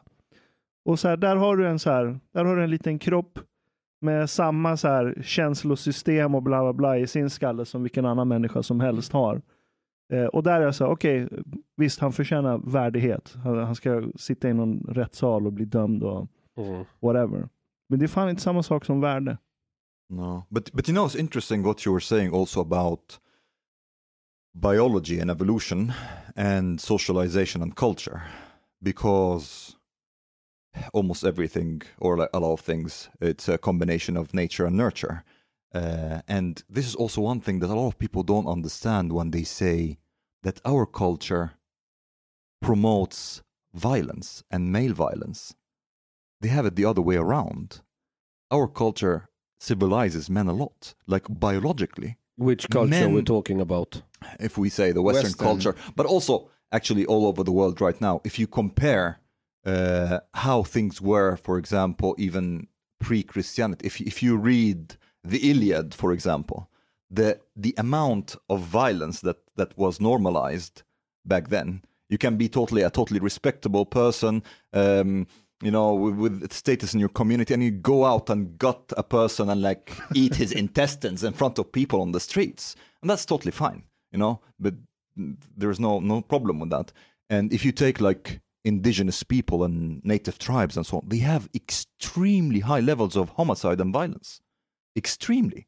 Um, so they have it the other way around. Our culture discourages violence, not encourages It violence. castrates men. That's one way to put it. Nej, men jag har en teori att det det är inte så hemskt med samhällen som har en högre grad, grad av våld så länge det råder en terrorbalans. När du, när du möter den där triben ute i skogen, du vet som är målad lite annorlunda i ansiktet som du snackade om, Ashkan. Om båda vet om att shit den där andra gruppen är jävligt farliga, då blir det som katter du vet. De ser varandra på, på, på gatan men då håller de sig på var, var sin sida av vägen. För de vet att det blir ett jävla kattslagsmål och båda kan få ögonen utrivna. Så de fräser lite åt varandra men håller liksom sin distans. Och det funkar ju men i Sveriges samhälle är ju inte så. Det är liksom på självaste nyårsafton sköts det ihjäl någon snubbe någonstans. Mm. I dag läste jag att någon blev mördad i Rissne. Han skulle ta ut pengar på automaten och random snubbe bara, helt eh, inte känd av polisen. Blev knivad vid uttagsautomaten och, och dog. En 45-åring. Bara helt random. Och så det här inte, vi höjer inte på, för, för 15 år sedan skulle det vara en jättestor nyhet. Och, eh, hade, vi, hade svenskar bara varit lite mer tribalistiska och gått man ur huset och vem fan var det som gjorde det och sen bara offentligt bara avrättat den jävlen på Sergels torg. Och det bara varit helt, då hade folk hade inte vågat råna längre. Det hade blivit den här terrorbalansen. Men nu, nu är det ju bara partikexan, saft och bullar. Och lilla du knivrånade du någon, du, du, du skadade inte dig själv va, lilla puttenutten. Det är ju typ så samhället svarar en sån. Det är som den här artikeln i Svenska Dagbladet. Eh, Det är någon gängkriminell avhoppare som pratar om att eh, de flesta gängkriminella är utbrända och har typ Ja här svårt att exakt, sova. ja exakt, exakt. Men jag tycker ändå den var bra. Jag, Jag jag, tol- ja, men jag tolkar det inte som att man är apologetisk, så här, "Åh, de är också människor. Utan tvärtom, man vill bara dra ner den här fasaden kring att det är så jävla glamoröst att vara... Fast problemet är att ungdomarna i orten läser inte Svenska Dagbladet. Nej, det är sant. Så det, det, om, det, om, det, om det ska nå några, alltså det man ska göra är så här, du ska visa för ungdomarna som, alltså det är så här, du är 12-13 bast eh, och så är du ute och hänger i, i byn, i Rinkeby, Husby, vad fan du är. Och så får du nya förebilder, de som är lite äldre och de som har råd, du vet en kokainsläde, någon jävla BMW eller vad de kör med. Och bara, ah, jag vill också vara sån och gå med Rolex-klockor och ha snygga brudar och fan vad fett. Och så börjar de också deala knark. Det man gör då, det är att man gör en insats, men då får man nog riktiga poliser, inte sådana som Hanif i soffan, utan det får vara riktiga karar. Och så bara tar man, samlar man alla de här jävla packet. Du vet som när Lamotte var i Trollhättan. man skickar in Lamotte så det blir den här Trollhättan-scenen. Så alla de här kryper fram ur sina hålor med huvudena, du vet, och ska vara kaxiga. Och sen har man bara gömt en jävla massa poliser, sådana de värsta piketpoliserna och jag ska reta upp dem innan så de är riktigt i rätt sinnesstämning. Och så bara in med batongerna och sen bara ge dem så jävla mycket stryk. Och sen så klär man av dem alla kläderna, de ska vara helt nakna och det ska vara i vintern, de här busarna. Och sen, sen ska de vara helt nakna och så tar man dit brandkåren och bara sprayar dem med vatten du vet så de blir typ, alla får lunginflammation. Och så ska de ha så här, eh, binda sig med handklovar och gå på led nakna utan, du vet, bara fötter så det är ont med. Och så ska de få gå ett sånt där ärevarv så alla kan se dem, sån här riktig sh- shame of walk, a walk of shame. Och sen in till polisstationen med dem. Men alla ungdomar ska se dem totalt jävla förnedrade offentligt. Då kommer de få, det, inte en jävel kommer vilja ansluta sig till nya gäng. Okej, åtta poäng. Chang, Hanif? Ja, alltså, det här Chang, det du pratar om, det, det är liksom en föreställning kring om man beter sig på det här sättet så kommer människor inte vilja ge igen, folk vill inte hämnas. Men grejen är att vi måste tänka på det att andelen poliser, eller vilka det är som ska skapa den här stämningen som du vill försöka få, de är så få. Så att eh, om man gör det här som du beskriver, Fast vänta nu, Ygeman sa att vi aldrig haft så många poliser i Sverige som Mm. Du vi har litar väl idag. på Ygeman? Du Vad ifrågasätter väl inte din arbetsgivare här? Ygeman är ju inte min arbetsgivare, men jag har ju mycket kritik mot Ygeman också. Det är kanske därför han är, är han, minister för energi? Inrikesminister. Nej, Nej, han är inte inrikesminister. Han är Han det är energiminister. energi nu. Ja, det är därför han fick ju elnätet kicken, håller på att gå åt helvete. Han är men- digitalisering men och grejen är så här, det, det är ingen, alltså själva den här föreställningen att man ska eh, använda liksom eh, hårt mot hårt. Mm. Jag tror på den delen till, till en viss del. Att man kan avskräcka lite grann där och då. Men man måste kunna följa upp det riktigt, riktigt ordentligt. Men det är bara att slå dem igen. Men det, det finns inte personal till det. Den, poli, den polisiära... Vänta, du, du, säger inte att det är, du säger inte att det är fel att slå dem igen. Personalbrist. Hörni, hörni. eh, Personalfrågan kan jag lösa, jag känner folk.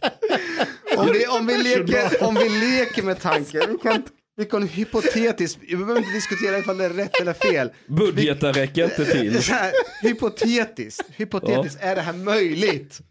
Det är det här vi måste Det, det avgöra finns inte personal Men vänta, till vänta, det. det. vänta. där Jag, det jag måste bara, jag måste bara. Eh, kan- Alltså finns det möjlighet för mig att kunna fullfölja Jag min må- mening eller är det bara meningen att jag nej men ska vänta, skratta? vänta. Jag, jag ska bara, jag ska, får vi jag får låta fullfölja. Jag ska Ja. bara klargöra en grej här. Alltså, det, det Chang säger, det, det, det ligger en poäng i det du säger, därför att om man, om man tittar på amerikanska filmer, amerikanska tv-serier, eh, skurkarna i de sammanhangen har alltid en föreställning bland varandra att så här, vi är galna för att vi håller på med brott, men poliserna, de är fucking galnare än oss. Så vi måste akta oss för dem.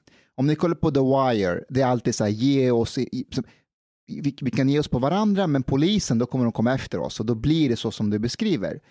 Tror ni att buset i Sverige har samma föreställning? För han heller. Nej, så det ligger någonting i det du Ja, säger. ja. Ja men det är terrorbalans, de måste veta att går jag över den här gränsen då jävlar kommer jag få tillbaka. Det ska inte vara värt det i något jävla teoretiskt. För de här killarna som är kriminella, de är inte dumma i huvudet. Tro Nej, inte nej, nej, annat, de är inte dumma i huvudet. De- Och de vet exakt vilka straff de Ja. får. Alltså, de vet exakt vad, vad, hur det döms ut. Och det var därför de, de trodde, de, några var ju lite naiva och åkte ner till Köpenhamn och sköt någon ju.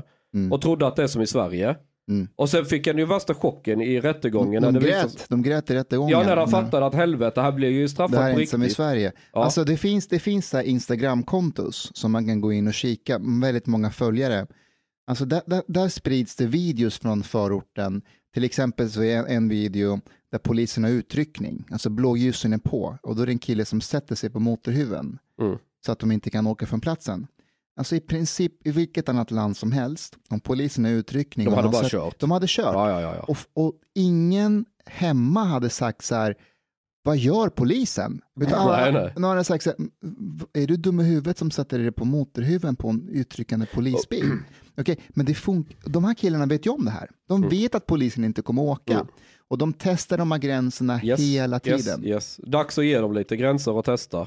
Sen vill jag också påpeka, jag tror inte att någon vid bordet här vill leva i ett samhälle där om någon kastar sten mot polisen att svensk polis börjar skjuta mot Jo, dem. Ja, nej, jag men jag vill. vill inte ha ett sånt samhälle där vi gör det. Men, Nej men du är gay, men vi andra vill ha ett sånt.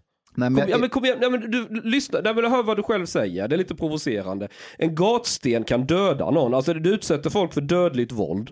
Vet du vilken anslagsenergi, det är den väger några kilon och jag du får fart jag hör den. vad du säger, men, men Men du ska inte svara med dödligt våld om någon utsätter dig. För jo det tror väl fan, du behöver inte skjuta han i huvudet, skjuta han i benet, i kuken, vad fan som helst. ja, nu, nu Han behöver ju kast, inte okej, dö. de här stenkastningarna, han är, förrätta mig om jag har fel, men eh, man brukar ju inte stå 10 meter ifrån och kasta dem, utan det kan ju komma Jo, jag har stått bokstavligen. Det hade varit fem meter till ena gänget och fem meter bakom var polis och jag höll videokameran. Okej. Så jo, det kan vara tio meter.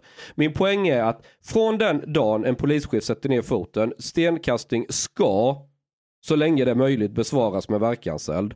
Så det kommer inte ta 24 timmar så är det slut med stenkastning. Men alltså det du säger, det är ju egentligen, för det första går inte att fatta, alltså om vi ska prata ärligt nu, Mm. eh, det är ju enskild polismans beslut som har rätt att svara eh, på den angrepp som den blir utsatt för. Och vi har ju flertal gånger eh, skjutit verkanseld eh, mot personer som har kastat sten. Ja, det är fullt, det är fullt, det är fullt rimligt att göra det också. Ja, ja, och det, det, det sker och eh, men konsekvenserna därefter. Det finns en föreställning här att om polisen beter sig på det här sättet och skjuter verkanseld så kommer problemet lösa sig. Och det, det, den bygger ju på, tror jag, att du utgår ifrån från dig själv att om polisen skulle göra så mot dig så skulle du troligtvis eh, ge upp och rätta in i ledet. Ah, ah, ah, det, det funkar. Det finns en gammal sovjetisk taktik när man planerade krigföring. Då det hette det escalate to de-escalate. Att istället vet att ja, Sverige börjar skicka lite militär och skjuter lite mot Ryssland och så skjuter de tillbaka. Du vet att man, man svarar med ungefär samma mynt. Men istället för att göra det så eskalerar man sin i helvete. Vi lobbar över ett gäng kärnvapen, sen är det tyst. Mm. Och sen vill ingen liksom dra det mer för att shit vad smäll det blev. Alltså om du går in jävligt jävligt stenhårt och det finns inte minsta lilla utrymme till att hålla på och trixa eller någonting. Det är en total fucking nolltolerans. Då kommer folk lära sig shit. Det är, det är på samma sätt som när du är ungdom och du har någon sträng jävla eh, förälder och du vet om att det är ingen mening att tjafsa. Ja, Men då lär du, okej det är ingen mening, jag kommer inte vinna något på detta. Jag backar. Men jag tror att den, den här föreställningen att polisen inte möter det här, den här typen av angrepp med, med att man möter det hårt mot hårt, det, det stämmer inte, för det gör ju vi. Eh, det sker till, alltså så fort, Ja, det, nej, ja, det, är inte- det, så fort, så fort det finns eh, lagligt utrymme Ja. så kommer ju polisen använda den. Pro- Problemet är inte polisen egentligen. Det är att när de åker in och så kommer det till en åklagare och sen ska det upp i hela det här batikhäxesystemet och så blir det inga straff och sitter de i finkan så vad gör de? Sitter och målar rytning, teckningar och spelar band och gulligulla på kåken och, och sen är de ute igen. Straffarbete, skicka dem till Sibirien. Alltså, vad kostar en fängelseplats i Sibirien? Ingen, jag känner lite ryssar, jag kan snacka med dem. eh, eh, och skicka dem dit. Och så vet du vad mer vad man gör? Då sätter man upp kameror inne i fängelset och så gör man en Big Brother show av det. Så säljer man rättigheterna. Så blir det maximal skam i Sverige också. Så de kommer tillbaka så vet alla vilka de är. Men då, då, det är som Mustafa lite grann säger, vi kan köra på det här eh, spåret, men då skiljer ju sig inte Sverige mer än typ i, från Iran. Nej men hallå, har vi, Alltså, importer- vi har ju- har vi importerat halva Iran så måste vi väl också, vi vill ju ha mångkultur. Ja men då ska vi väl ha mångkultur. Du, Då får du, vi väl du anpassa har oss en efter där. kultur. Ja, kom igen. Mångkultur handlar ju om att man ska ta till sig av den andra kulturen. Och, Och vet du vilka, vilket jävla bra tv-program det hade blivit? ja, Vad ska, vi, vad, vad, vad ska den heta? Fångarna på fortet. Gu- Gulagarkipelagen. Det här påminner mig om dels här värdighetsdiskussionen. Om du sätter dig på motorhuven och hindrar polisen från att eh, göra någon utryckning. I den stunden har du tappat lite värdighet i mina ögon. Så jag ser inga problem med att polisen kör ändå. Nej, men, och och det är därför man har ju, man har ju stiftat eh, lagar. Det finns ju bland annat nu sedan förra året en eh, lagstiftning som heter blåljussabotage. Det är ju egentligen all form av angrepp mot polisen har ju vi väldigt stor makt att kunna göra någonting åt det. Vad sjukt att vi inte alltid haft det. Ja, det kan ju diskuteras. Men vi har inte Eh, alltid haft ett jä- på utryckande polisbilar. Det är ett lite nytt fenomen. mm. Ja, men har vi Kommer ni ihåg diskussionen i Rosengård för jättelänge sedan? När poliserna satt och kallade dem för apor. Mm. Alltså, Och så, här, det, och så vet man om att de, de här beter sig som apor. Och sen faktiskt- då blir det skandal det här är det. faktiskt jätteintressant. Så, eh, det här var ju Rosengårdskravallerna 2000. Ja, det var, det var innan SD kom. Jag tror, det, jag tror det bidrog till att SD kom in i riksdagen. Ja. Speciellt att det var skandal över att polisen hade kallat dem för apor. Ja, ja, ja, inte att de betedde sig Nej, som nej, apor. exakt. Så, så, så det som hände var ju att eh, alltså, Rosengård brann ju i princip. Ja, ja, det var totalt jävla kaos där. Ja, och poliserna, de, de jobbade ju, du vet, de sov ju inte. De jobbade ju hela tiden och åkte in och eh, in station, vila en stund, in igen och jobbade. Eh, sen, när, sen blev det ju, när det här lugnade ner sig så blev det rättegångar. Och under rättegången så använde man ju polisens material för att sätta dit de här förövarna. Så, det, så de misstänkta är i rättssalen, deras familjer är där.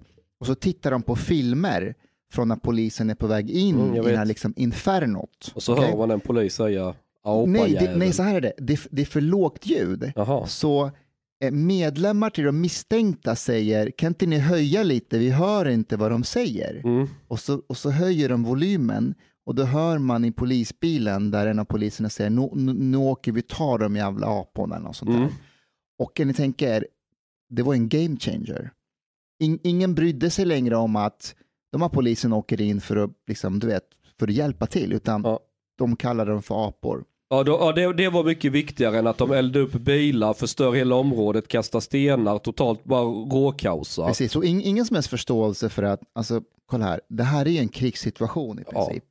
Och det här är poliser som inte har sovit, de är på väg in i infernot, de, de behöver peppa varandra. Mm. vet, det här är give them hell. Mm. Det här, är, det här är innan en match där man säger nu går vi in Ja och men bry- Give Em Hell, det är ju SD-referens, det är ju ännu Ja. värre. Ja, jag vet, men är inte det från, är inte det från eh, Gladiator det kommer ifrån? Jag vet inte. Min tidigare kollega Nadim Ghazal skrev en eh, debattartikel i Expressen där han eh, Kort sagt skri, skriver något om att socioekonomiska faktorer är, är mamman till eh, den brottsligheten vi ser. Eh, jag, var, jag såg den här artikeln och så skrev jag en replik på den där jag menade att, eh, att kultur och moral och värderingar har en större roll. Inte att socioekonomiska faktorer inte har någon roll alls, men att moral har en större roll. Och så hänvisar jag till eh, Per-Olof Wikström som är kriminolog i Cambridge, Fredrik Kärholm, kriminolog i Cambridge och eh, krimreporten Lasse Weirup som har skrivit Mm. den här Gangsterparadiset. Eh, och, eh, och, så, och så pratar jag om svenskarna i Chicago när de, åkte, när de eh, emigrerade dit under 1800-talet, slutet där. Eh, då, eh, de, de, de, du vet, de byggde upp Chicago mer eller mindre. Mm. Ehm, och, och, och de bodde verkligen i parallella områden. De, de sökte sig inte bara till andra svenskar, de sökte sig till svenskar som kom som, från samma by som de i Sverige. Och två tredjedelar av de här hushållen under den här tiden eh, bestod av mer än två familjer. Så trångboddheten var omfattande. Men de, de områdena svenskarna bodde på, de präglades inte av kriminalitet. Ehm, de lyckades med företagsamhet och olika sätt etablera sig i samhället och så kom det här uttrycket Swedes build Chicago. Mm. Så jag skriver den här artikeln, eh, kommer ut och eh, ja, det, blev, det blev en intressant reaktion. Eller det blev... ehm, ehm, Fick du skit? jag fick skit. Och det, jag tar på mig det. Jag, jag, jag, ville faktiskt prata om subkultur egentligen. Alltså att i Men det är också kultur. Jag vet, det är det ju, men eh, tyvärr så uppfattades det av vissa. Ja men det, det är så löjligt, det här är en jättestor fråga egentligen och så ska man ordmärka att Ja. kallar du det subkultur eller kultur? men, Liksom, det, men det är ju svensk debatt i nötskal. ja men det är, men- därför, det är därför man måste vara mer som Dan Eliasson, bara no, zero fucks to give, nu gör vi bara så här. Samtidigt, samtidigt är det så här att till exempel klankulturen är ju inte en kultur som uppstår i, i förorten, utan det tar ju man med sig. Hedersförtrycket, hederskulturen, den tar ju man med sig till Sverige. Eh, så det är ingen subkultur, skulle jag säga. Men jag håller med om att jag kunde varit lite mer specifik med att jag menade subkultur. Men, För grejen är att när du, när du för, dessförinnan så skriver du om du jämför när svenskarna åker till Chicago. mm, Då utmålar ju svenskarna som just att de är från Sverige.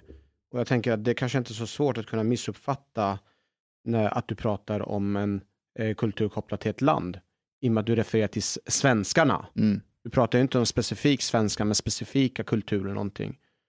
Hänger du med i resonemanget? Ja, ja men, men, men Sverige på den tiden var ett väldigt homogent land. Det fanns liksom ingen nyanser egentligen i svenska kulturen. Alltså visst det fanns eh, klasskillnader, men det var väldigt, väldigt homogen, hom, homogent Men grupp. så, så, alltså, sociologiska studier är notoriska, många av dem i alla fall, för att lida av total eh, sk- urskiljning mellan kausalitet och korrelation. Och så här, om, vi, om vi tar, jag jag tror det var Linda Snecker som skrev för ett tag sedan, det var någon brottsling som hade så här åkt dit 200 gånger. Det var så här helt absurda siffror hur många brott den här personen var dömd för.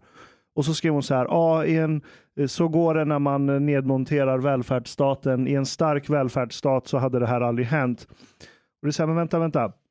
För det första, okej, jag, jag kan fatta att eh, socioekonomiska faktorer kan vara en bidragande orsak till viss kriminalitet. Till exempel stöld av förnödenheter eller mat eller sådana grejer. Fine. Jag kan vara öppen för att det kan finnas en kausal koppling där. Förnödenheter som en Canada Goose-jacka. Exakt, du fattar vad jag menar. Mm. Om det är så här, mat, överlevnadsgrejer, det är en sak. Det är så, okej, fine, jag kan vara öppen för att kolla på det. Men om vi tar så här utsatta områdena i Stockholm, så här, eh, Kista, Husby, Tensta, Rinkeby, Hjulsta och så vidare. Hur, hur många bor det i de här sammanlagt? Säg 50 000, någonting sånt. Kanske 100 000 i Järvaområdet där jag jobbar. Ja, men det, det är inte ens 0,5 procent av de här människorna som begår de här brotten som har gjort att de här områden blir utsatta områden. Det är, en, alltså det är en fraktion av människor som bor i de här områdena som står för majoriteten av alla de här brotten som begås. Som gör att de är ställda. Så att bara det faktumet i sig borde rendera argumentet att det har med socioekonomiska faktorer att göra helt absurt. För då, skulle, då kan det inte bara vara en liten fraktion av de här människorna som gör det. Så varför fortsätter vi tjata om att socioekonomiska faktorer är kausalt? Det gör vi inte, det är Linda Snäcke som gör. Det är många som hörs medialt Nej, nej, nej, som det är gör många som gör det. Alltså, eh, kolla här, jag, jag, fick en, jag, jag fick en kommentar av en, eh, eh, det var en, en kvinna som skrev till mig och i vanliga fall så bryr jag mig inte om sådana kommentarer, men det här var liksom ingen, eh, du vet, troll, alltså, utan, utan det här var en, en kvinna som jobbar med integration, som har studerat vid universitet och hon, hon tar hand om ensamkommande. en batikhäxa. Nej, men... eh, Ja, ja, men berätta. Okej, Ja. hon skriver så här, jag har pluggat kriminologi och eh, det har med socioekonomiska faktorer att göra, inte alls med kultur, bla bla bla bla. Och så skriver hon så här. Jag börjar misstänka att du är en av de invandrarna som är rädda för att de, eh, du är en av de invandrarna som är rädda för att inte bli omtyckta av svenskarna. Så därför eh, riktar du skit mot invand- andra invandrare. Eh, kanske funkar det för dig, men det är jävligt osolidariskt att göra så att, att slänga andra invandrare under bussen. Eh, Hon är rasist. Alltså, vet, Ja, Hon är rasist. På, alltså, det, detta är den riktiga svenska rasismen. Därför att hon tror att alla invandrare är en jävla grupp som ni ska ha någon jävla solidaritet sinsemellan. I hennes huvud så är det det svartmuskiga exotiska män från några sö- söderut i någon jävla öken någonstans. Och så är det vi svenskar. Eftersom vi svenskar är så mycket finare och bättre och smartare och kommit så mycket längre och så kulturellt upplysta. Så har vi en skyldighet att, att, att, hjälpa och släppa in och, och, ta hand om det här. Mm. Hon är en fullblodsrasist men fattar det. hon är för dum för att fatta det själv. och det var lite så jag skrev, det var det jag skrev till henne fast lite mer, Ja fast du eh, vågar inte uttrycka nej, dig lite mer diplomatiskt. Men, Ja. men, men, men, men jag, Man jag, ska skrev, inte vara diplomatisk mot terrorister. jag, jag, jag skrev till henne så här, alltså, här skriver jag en text där jag refererar till två kriminologer, eh, till en krimreporter, till forskning. Jag, menar, jag har jobbat som polis, jag har jobbat med integration. Och din slutsats av det blir så här, är du en sån här invandrare som inte tycker om invandrare? Ja, du är Alltså, i, husblatte. i, I dina ögon har jag alltid varit en invandrare och kommer alltid vara en invandrare. Du, du har exakt samma synsätt som NMR har. Ja, ja, ja det, visst. det är ingen skillnad, ni är varandras spegelbilder. Men sådana var, jag, när jag växte upp, det var skitmånga som var så mot mig. Exakt sådär. Mm. Att jag hade något gemensamt med folk som kom någon annanstans i världen. Ja, ni som är från ett annat land. But fuck you. Och jag vill bara säga så här, det är mycket kommentarer som jag, kan, som jag får, som jag kan hantera, men sådana här kommentarer är bland de vidrigaste. Ja, ja, jag vet exakt. Jag, jag blir arg bara jag hör det. För jag, jag vet precis vad det är för Ja, människor. ja, jag, jag, jag klarar knappt av sådana kommentarer, för eh, sådana som hon, de har genuint en bild av sig själva som att de är de moraliska riddarna, Ja. alltså de, de, de, de har inga fördomar, de är hur schyssta som helst. Men det är fullblodsrasister. Ja, Men jag skulle vilja dra en koppling också när jag jobbar i förorten. Då träffar jag på många med utländsk bakgrund som är typ antirasister. De kör ju samma typ av resonemang kring oss poliser som har utländsk bakgrund. Det vill säga, ni som, du som har i, eh, utländsk bakgrund, vem fan tror du att du är här och ska gå de vitas ärenden? Jag menar på att det är lite samma sak. Och de har ju, Lite. de har ju liksom inte heller en förmåga att kunna se nyansen att man är en egen individ. Men Nej, eh, jag, tror att, jag, tror att, jag tror det här är vanligare än eh, vad, vi, vad vi tror. För jag tror att även många som lyssnar tänker oss att vi är bara ett gäng invandrare som sitter här och eh, inte ser att, vi, eh, att det finns nyanser, att vi är ol- egna Nej. individer som har olika åsikter. Maybe in the end, you are maybe a bit talking past each other. Like, um, because I think in the end, uh, I would say quite often people argue with one another and so on, or argue against each other. But instead of focusing on the the solution, uh, or what, because I think in the end, maybe one can say that this is more or less an integration problem. Uh, an integration problem that has to do with the scale of migration. Um, Jag håller med dig. Så, Mm. så, eh, fast på ett sätt tror jag det är bra att vi haft en ganska stor invandring. För det är nog det enda som kan göra någonting åt det här batikhäxementaliteten. Att eh, få bort det. För ingen, svenska karlar är könlösa, saknar testosteron, saknar liksom hela den här biten. Det är därför batikhäxorna kan härja som de gör med sådana här resonemang. Det är de som de får någon sån här moralisk, eh, liksom, Har du sett en svensk karl våga säga emot en sån som eh, Panshiri läste upp? De är knäppt tysta, alla vet att hon har fel men de vågar inte säga emot henne för det blir så jävla mycket ovett tillbaka. Utan det behövs ju folk som vågar liksom konfrontera en sån jävel och kalla henne för vad hon är. Alla tänker det men ingen vågar säga det. Det skulle inte funka i ett normalt land i Mellanöstern, eller jag ska, normalt land men du fattar vad jag menar. ja men liksom, det skulle inte, i andra delar, det hade inte funkat. Att, att hålla på så här, det är någon slags härskarteknik med. Som eh, man ägnar sig åt, ska skuldbelägga för att du för fel resonemang och misstänkliggöra mellan raderna. En sån ska bara få skit tillbaka. Men man vågar inte det i det här landet och då blir det de här galna jävla idéerna som tar överhanden. Och då, då, då har du nej, inte, och sen Ashkan sa en sak med att Sverige vill inte släppa in invandrare i samhället och det, det är sant. Det, det, det finns en jätte sån här men man, utan man vill ha den här bilden att det är synd om invandrare, vi måste ta hand om dem. Men om invandrare kan stå på egna ben, utbilda sig och, och göra karriär och vara precis som någon annan, då är det ju inte invandrare längre. Och det provocerar ju batikhäxorna något enormt. För om inte de har den, den stackars invandraren som behöver hjälp, då kan ju inte hon spela ut sin roll som batikhäxa heller. Och vara Moder Teresa med glorian på huvudet och sitta på soc och lägga huvudet på sne och allt vad de gillar att göra. Med landstingsfrisyr. Alltså det där, eh, eh, men du, eh, jag håller helt med dig Omar, att alltså, egentligen så är jag och Ghazale, vi är inte så jättelångt ifrån varandra egentligen.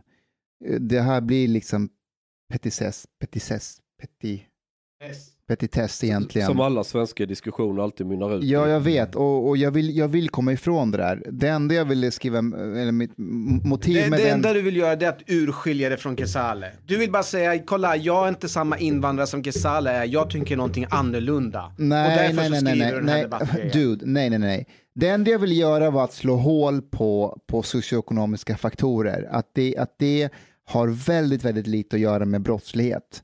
Och, och visa på att, det kan, att, att kultur, moral och värderingar har mer att göra.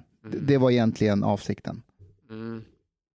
Men eh, alla, alla, alla som läste den där läser ju med sin ideologiska eh, glasögon. Det, det finns ju de som hör av sig, bara, men eh, du vet, eh, muslimer, kultur, eh, islam är problemet och, och det blir bara en pajkastning i, i, i slutändan. Mm. På tal om en helt annan, eller ja, kör du. Yeah, I was I was going to say actually it's, it's interesting how when I first came to Sweden I got involved with um, you know the anti-racist crowd. I was like also really left back then. Um, Så det är inte så jättelänge sedan. nej, nej, inte så jättelänge sedan. Um, and also I used to to believe in a an extremely liberal migration policy. But the thing is, I, I was also not really. I didn't know what what really was going on in Sweden. I had just came, uh, so it, it seemed to me like the human thing to do, or the humane thing to do, is to basically take in as many refugees as possible. Uh, but more and more, I, I started to because I think to do good, you have to have not only the intention to do good, but also the capacity and the will to bring that good to reality. Otherwise, it's worth nothing. And men- like when I sta- when I when I started to like try to do the math, so to speak, and especially when it comes to people who wanted open borders, and I wanted to discuss with them. I was actually really curious how to solve this problem, uh, and I would ask, okay, if you want to have like open borders and everybody would be able to just come and settle in Sweden, but then you mean that it's not it wouldn't be possible that everyone would have immediate access to social welfare. And they would reply no no no. Everybody should have access to social welfare. Uh, and i was like okay but but but how do you if we talk numbers now if you say that anybody in the world can immediately come to sweden and right when they arrive have access to social welfare like bostad um, and, and everything. I was okay if, if you say that like within two weeks half of the population of egypt will come to sweden. And it's like it's 50 million people. Will you be able to within two weeks take in 50 million people Det där argumentet körde alla SD-are 2010. but but but but then, and I would get the reply, ah, but we like it's dehumanizing to talk about numbers and so on. But I would be like, I I Vi want måste. to actually solve the problem. Mm, Då måste Ja. vi gå in på just numren. Yeah, exactly. Because in the end, it, you will have to. You know you what have a capacity. reply? Do you know Mm. what you reply? I'm an Arab. We invented the numbers. I have my right to use, use. För, för att fortsätta på det här spåret som du var inne på Omar, jag, eh, eh, jag är vän med många ensamkommande afghaner i, på Facebook och eh, många som kom nya till Sverige, de fångades ju upp av den här liksom, vänsterradikala mm, gruppen. ja. Så, så, så, och, och, och, de, till exempel så var de ute med dem på Mynttorget och demonstrerade med dem för att få eh, igenom genom amnesti. De, eh, och, de kunde gå på gatorna och, och skrika eh, no borders, no nations, stop, stop deportations. Alltså de här unga killarna, du vet, de är ju inte för öppna gränser egentligen. De, tycker, du vet, det låter ju sjukt i deras, eh, att de inte ska ha några gränser, men, men de har ingen annan grupp som kan ta hand om dem.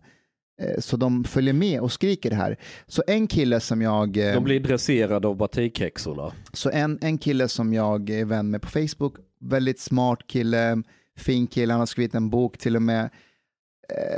Under en period så vartannat inlägg han skrev var vi måste öppna gränser, vi måste hjälpa människor på flyg, vi måste ha stora eh, hjärtan, allas lika värde, du vet alla de här klyschorna. För det är sånt man pratar om när man kommer från Afghanistan. Ja, precis. Och, och, och alla likade hans inlägg och, och, och du vet, det var hjärtan längs hela kommentarsfältet.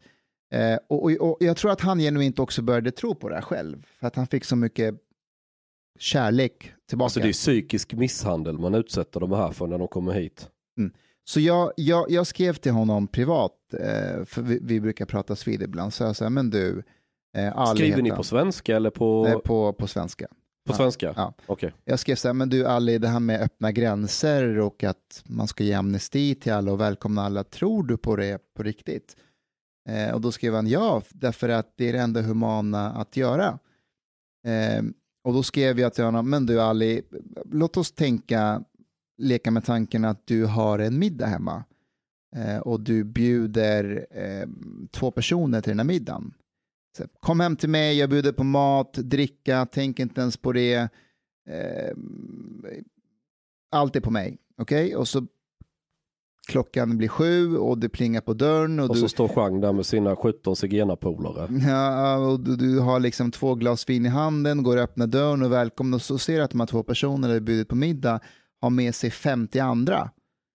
Ehm, och, och du säger, vad, vad gör de här här? Jag bjöd ju bara er två. Och de säger så här, men varför är du så osolidarisk?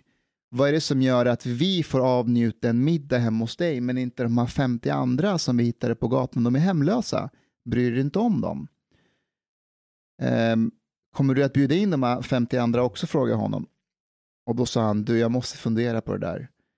Eh, sen hörde han av sig till mig nästa dag med ett långt meddelande och skrev, du, eh, jag har aldrig tänkt på, den, på, det, på det sättet, sa han. Ehm, och jag har, jag har ställt den frågan till, till, eh, till mina vänner på den sidan som vill öppna gränser. Ehm, och de, de, tyckte det, de tyckte det var en konstig fråga. Eh, men jag ville verkligen veta, hur hade ni gjort? Eh, och, och han skrev till mig, alla säger att ja, men de hade försökt att ge så många mat som möjligt. Och då säger han till mig, jag hör hur det låter, jag vet att det här låter konstigt och jag hade förmodligen inte släppt in alla 50. Och med det sagt, skriver han till mig, så det här är de enda vännerna jag har, säger han. Alltså, det här är människor som, som tog emot mig i Sverige, som hjälpte oss med amnestin, de, de demonstrerade med oss på gatorna, de släppte in, oss i, i, i, släppte in mig i sitt hem. Högern har inte gjort det för mig, säger han. Om jag går emot de här människorna så har jag ingen kvar. Nej. Så han sa så här, jag kommer fortsätta och Ja, ja han, är, han är fast där. Han är fast ja, där. Ja, visst, visst, jag fattar det. Och För det jag kunde faktiskt sympatisera med honom helt och hållet. Ja, nej, men det är inte svårt att förstå deras situation alls. Jag, jag fattar den alldeles precis. Men om vi får skruva till den här föreställningen om eh, middagen och att det är två personer där och så, så kommer det 50 till. Då kan man ju applicera även det här fenomenet med att Sverige är ett mångkulturellt land. eh, då är det frågan, vilka regler är det som gäller vid den här middagen? Om det är fyra personer som ska käka och så, så kommer ytterligare 50 personer, vem ska anpassa sig till vem?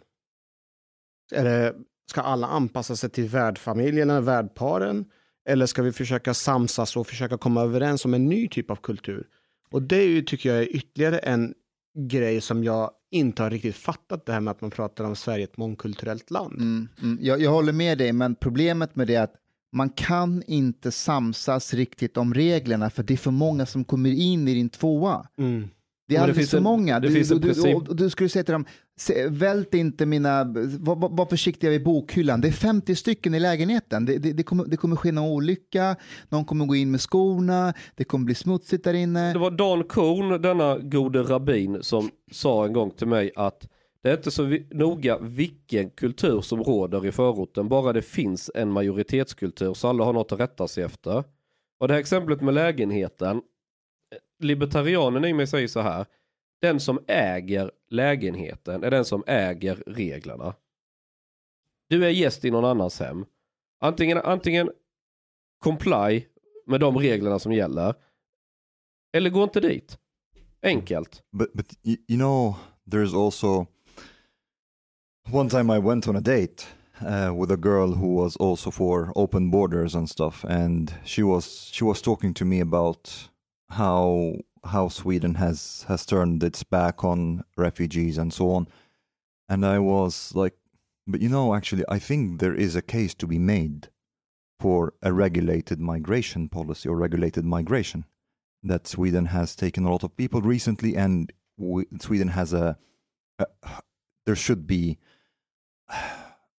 These people should be integrated into society. You can't just take people endlessly and not integrate them. She got so fucking offended and upset at me. Of She started to shout at the restaurant. Ja, ja. and she was like and you you are a refugee yourself you are ungrateful and uh, you, like what would you have done if like sweden had closed its doors when you came and i was like actually it wouldn't have much of a problem i would have gone to like germany or netherlands or something sweden is not the only country in europe Ja. um, Du plockar av henne glo glorian på huvudet och hatar Men alltså, honom. det, det som kom fram, det är den svenska nationalismen hos Ja, henne. ja.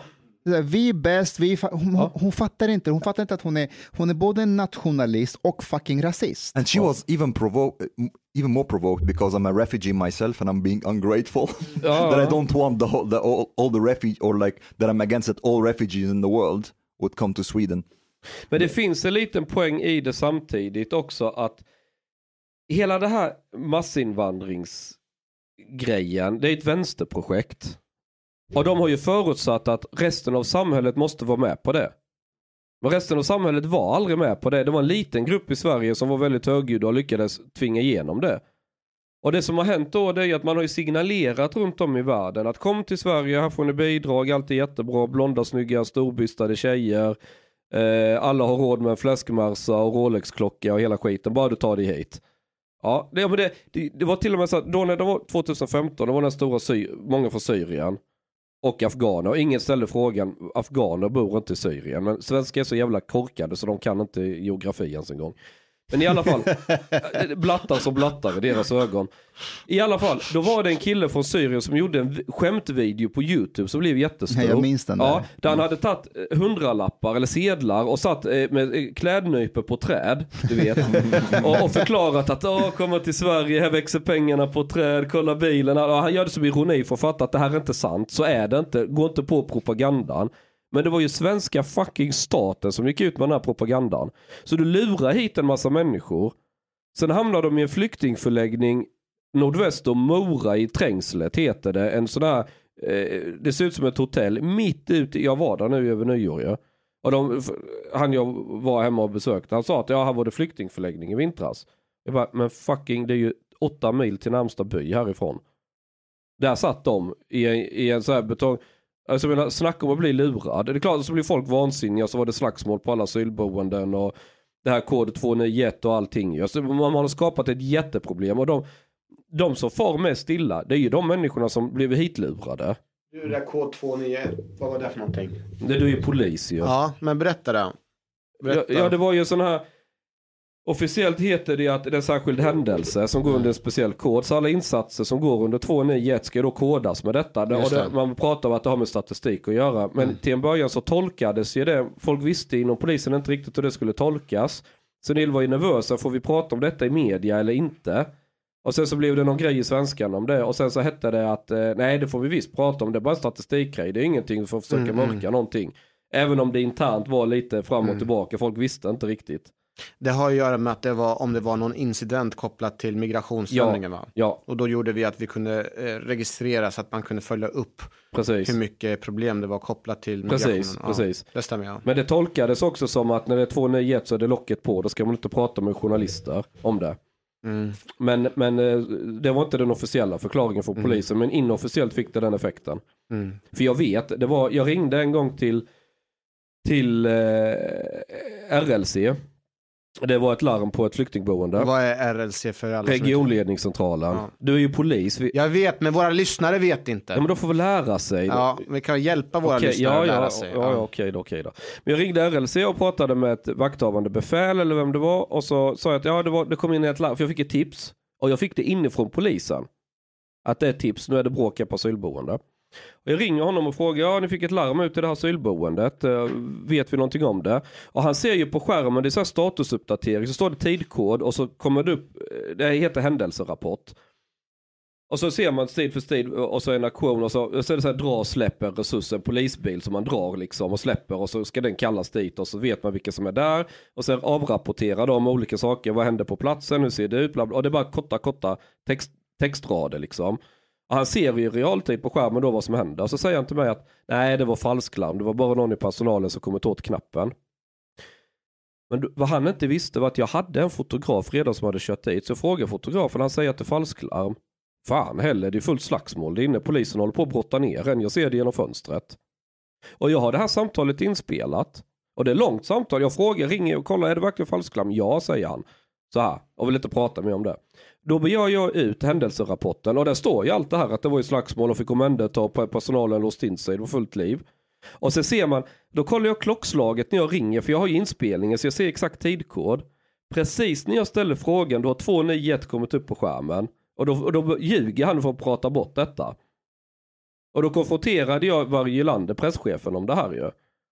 Och det blev så här jättedålig stämning och jag filmade honom också. Men vi kunde inte komma riktigt i mål om han medvetet ljög eller om han kände bara att han får inte säga något nu. Jag visste liksom inte riktigt vad jag skulle ta det. Men det är sån här gräv som jag gjorde som aldrig blev pubbat. Men där lärde jag ju mig att folk som, som jobbar på golvet inom polisen visste ju inte Då skulle, ska vi, är det meningen att förväntas det av oss att vi ska lägga liksom, söka mörka det här och inte prata öppet. För det var så jävla känsligt då ju. Ja.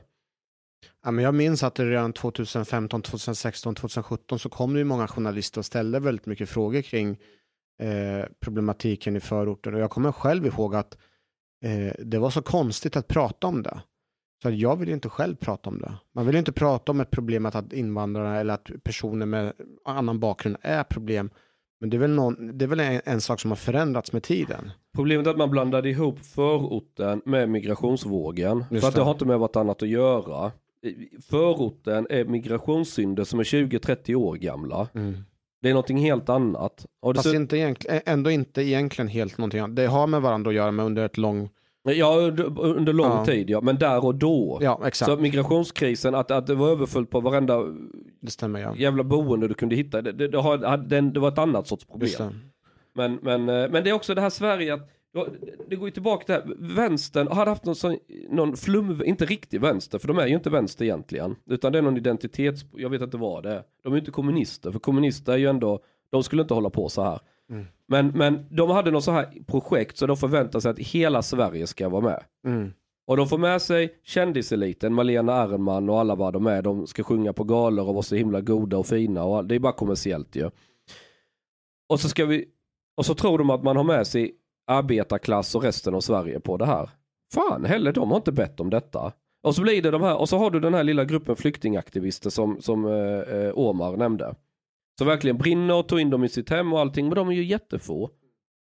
Det är klart de inte kan ta hand om det här problemet. Och sen upptäcker de att fan, resten av samhället var ju inte alls intresserade av det här projektet som vi drog igång. Hörrni, eh, eh, jag skulle bara vilja påpeka en sak här. Det pågår en, en mobbing ute på nätet. Och eh, jag gillar ju inte mobbing. Så, så jag, så jag ehm, Except when you started yourself. Eller? eh, nej men alltså, ni, ni, ni vet vi har ju en, eh, en generaldirektör, Dan Eliasson. Mm. Han blir Eh, väldigt mobbad nu, jag tycker synd om honom. Jag tycker, jag tycker inte det är okej att mobba honom därför att Dan Eliasson är kanske Sveriges, en av Sveriges, eller den mest älskade rikspolischefen någonsin i svensk historia. Mm. Och eh, han var så duktig som rikspolischef så att MSB gick in och sa så här, vi måste ha honom som generaldirektör. Mm. Så de snodde honom. Nu var han ute Det är på... därför det går ut för, för polisen då. Precis. Eliasson, vi vill ha tillbaka dig. Och nu- Hjälp oss, hjälp oss Eliasson. Exakt. Och nu var han, eh, han åkte på en livsnödvändig resa till Kanarieöarna. Mm. Eh, och, eh, och, och nu är folk ute och mobbar honom. Så jag har startat en Facebookgrupp Mm. som jag tycker att alla som lyssnar ska gå in och, och, och bli medlem i. Den heter Vi som är tacksamma för att Dan Eliasson inte, eh, vi som är tacksamma för att Dan, El- Dan Eliasson bara reste en gång under pandemin. Mm. Eh, gå in och bli medlem. Jag startade den för någon timme sedan. Vi har redan typ 250 medlemmar. Do it. Eh, söndag den 10 januari har jag ordnat en demonstration på Sergels torg. Mm. Den heter Vi som vill att Dan Eliasson blir årets svensk 2020. Jag kommer lätt. Jag kommer hålla tal. Eh, ta med er vänner, familj, eh, speciellt deras släkt, eh, äldre släktingar. Eh, vi, vi behöver all stöd vi kan få. Så.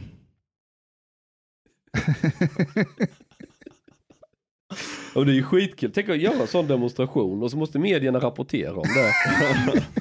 du kommer rapportera om det. ja, ja, men jag, kommer, jag håller lätt tal. But, but, but the thing is, like, I don't understand. Like, okay, he traveled, yeah? What the fuck is the explanation that he's giving to why he traveled? A necessary trip and saying that, well, av- actually, I have like turned down many trips during the pandemic. Nobody fucking traveled.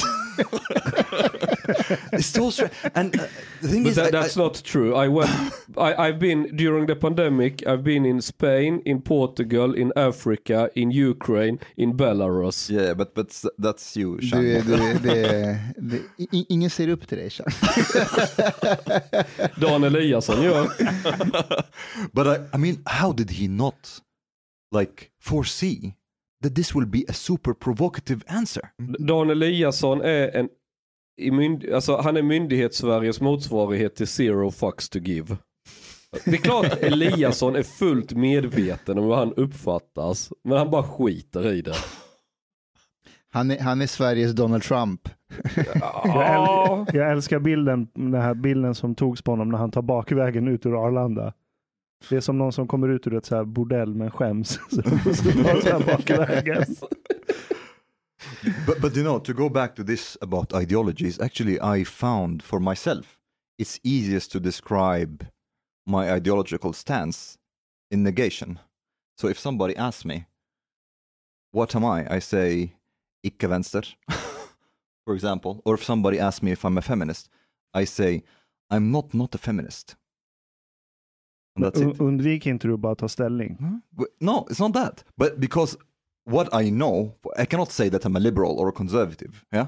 But what I know that I'm not left. So this is the only thing that I actually can say for sure, and the only thing that will not be open to too much interpretation. And by saying also I'm not not a feminist, I'm refusing really to use that term because it has like different interpretation. Ja, men du är ju arab, det är väl klart att du inte är feminist. Du kan ju inte, du kan inte vara arab och feminist samtidigt. Då är du ju, då är du ju gay eller något.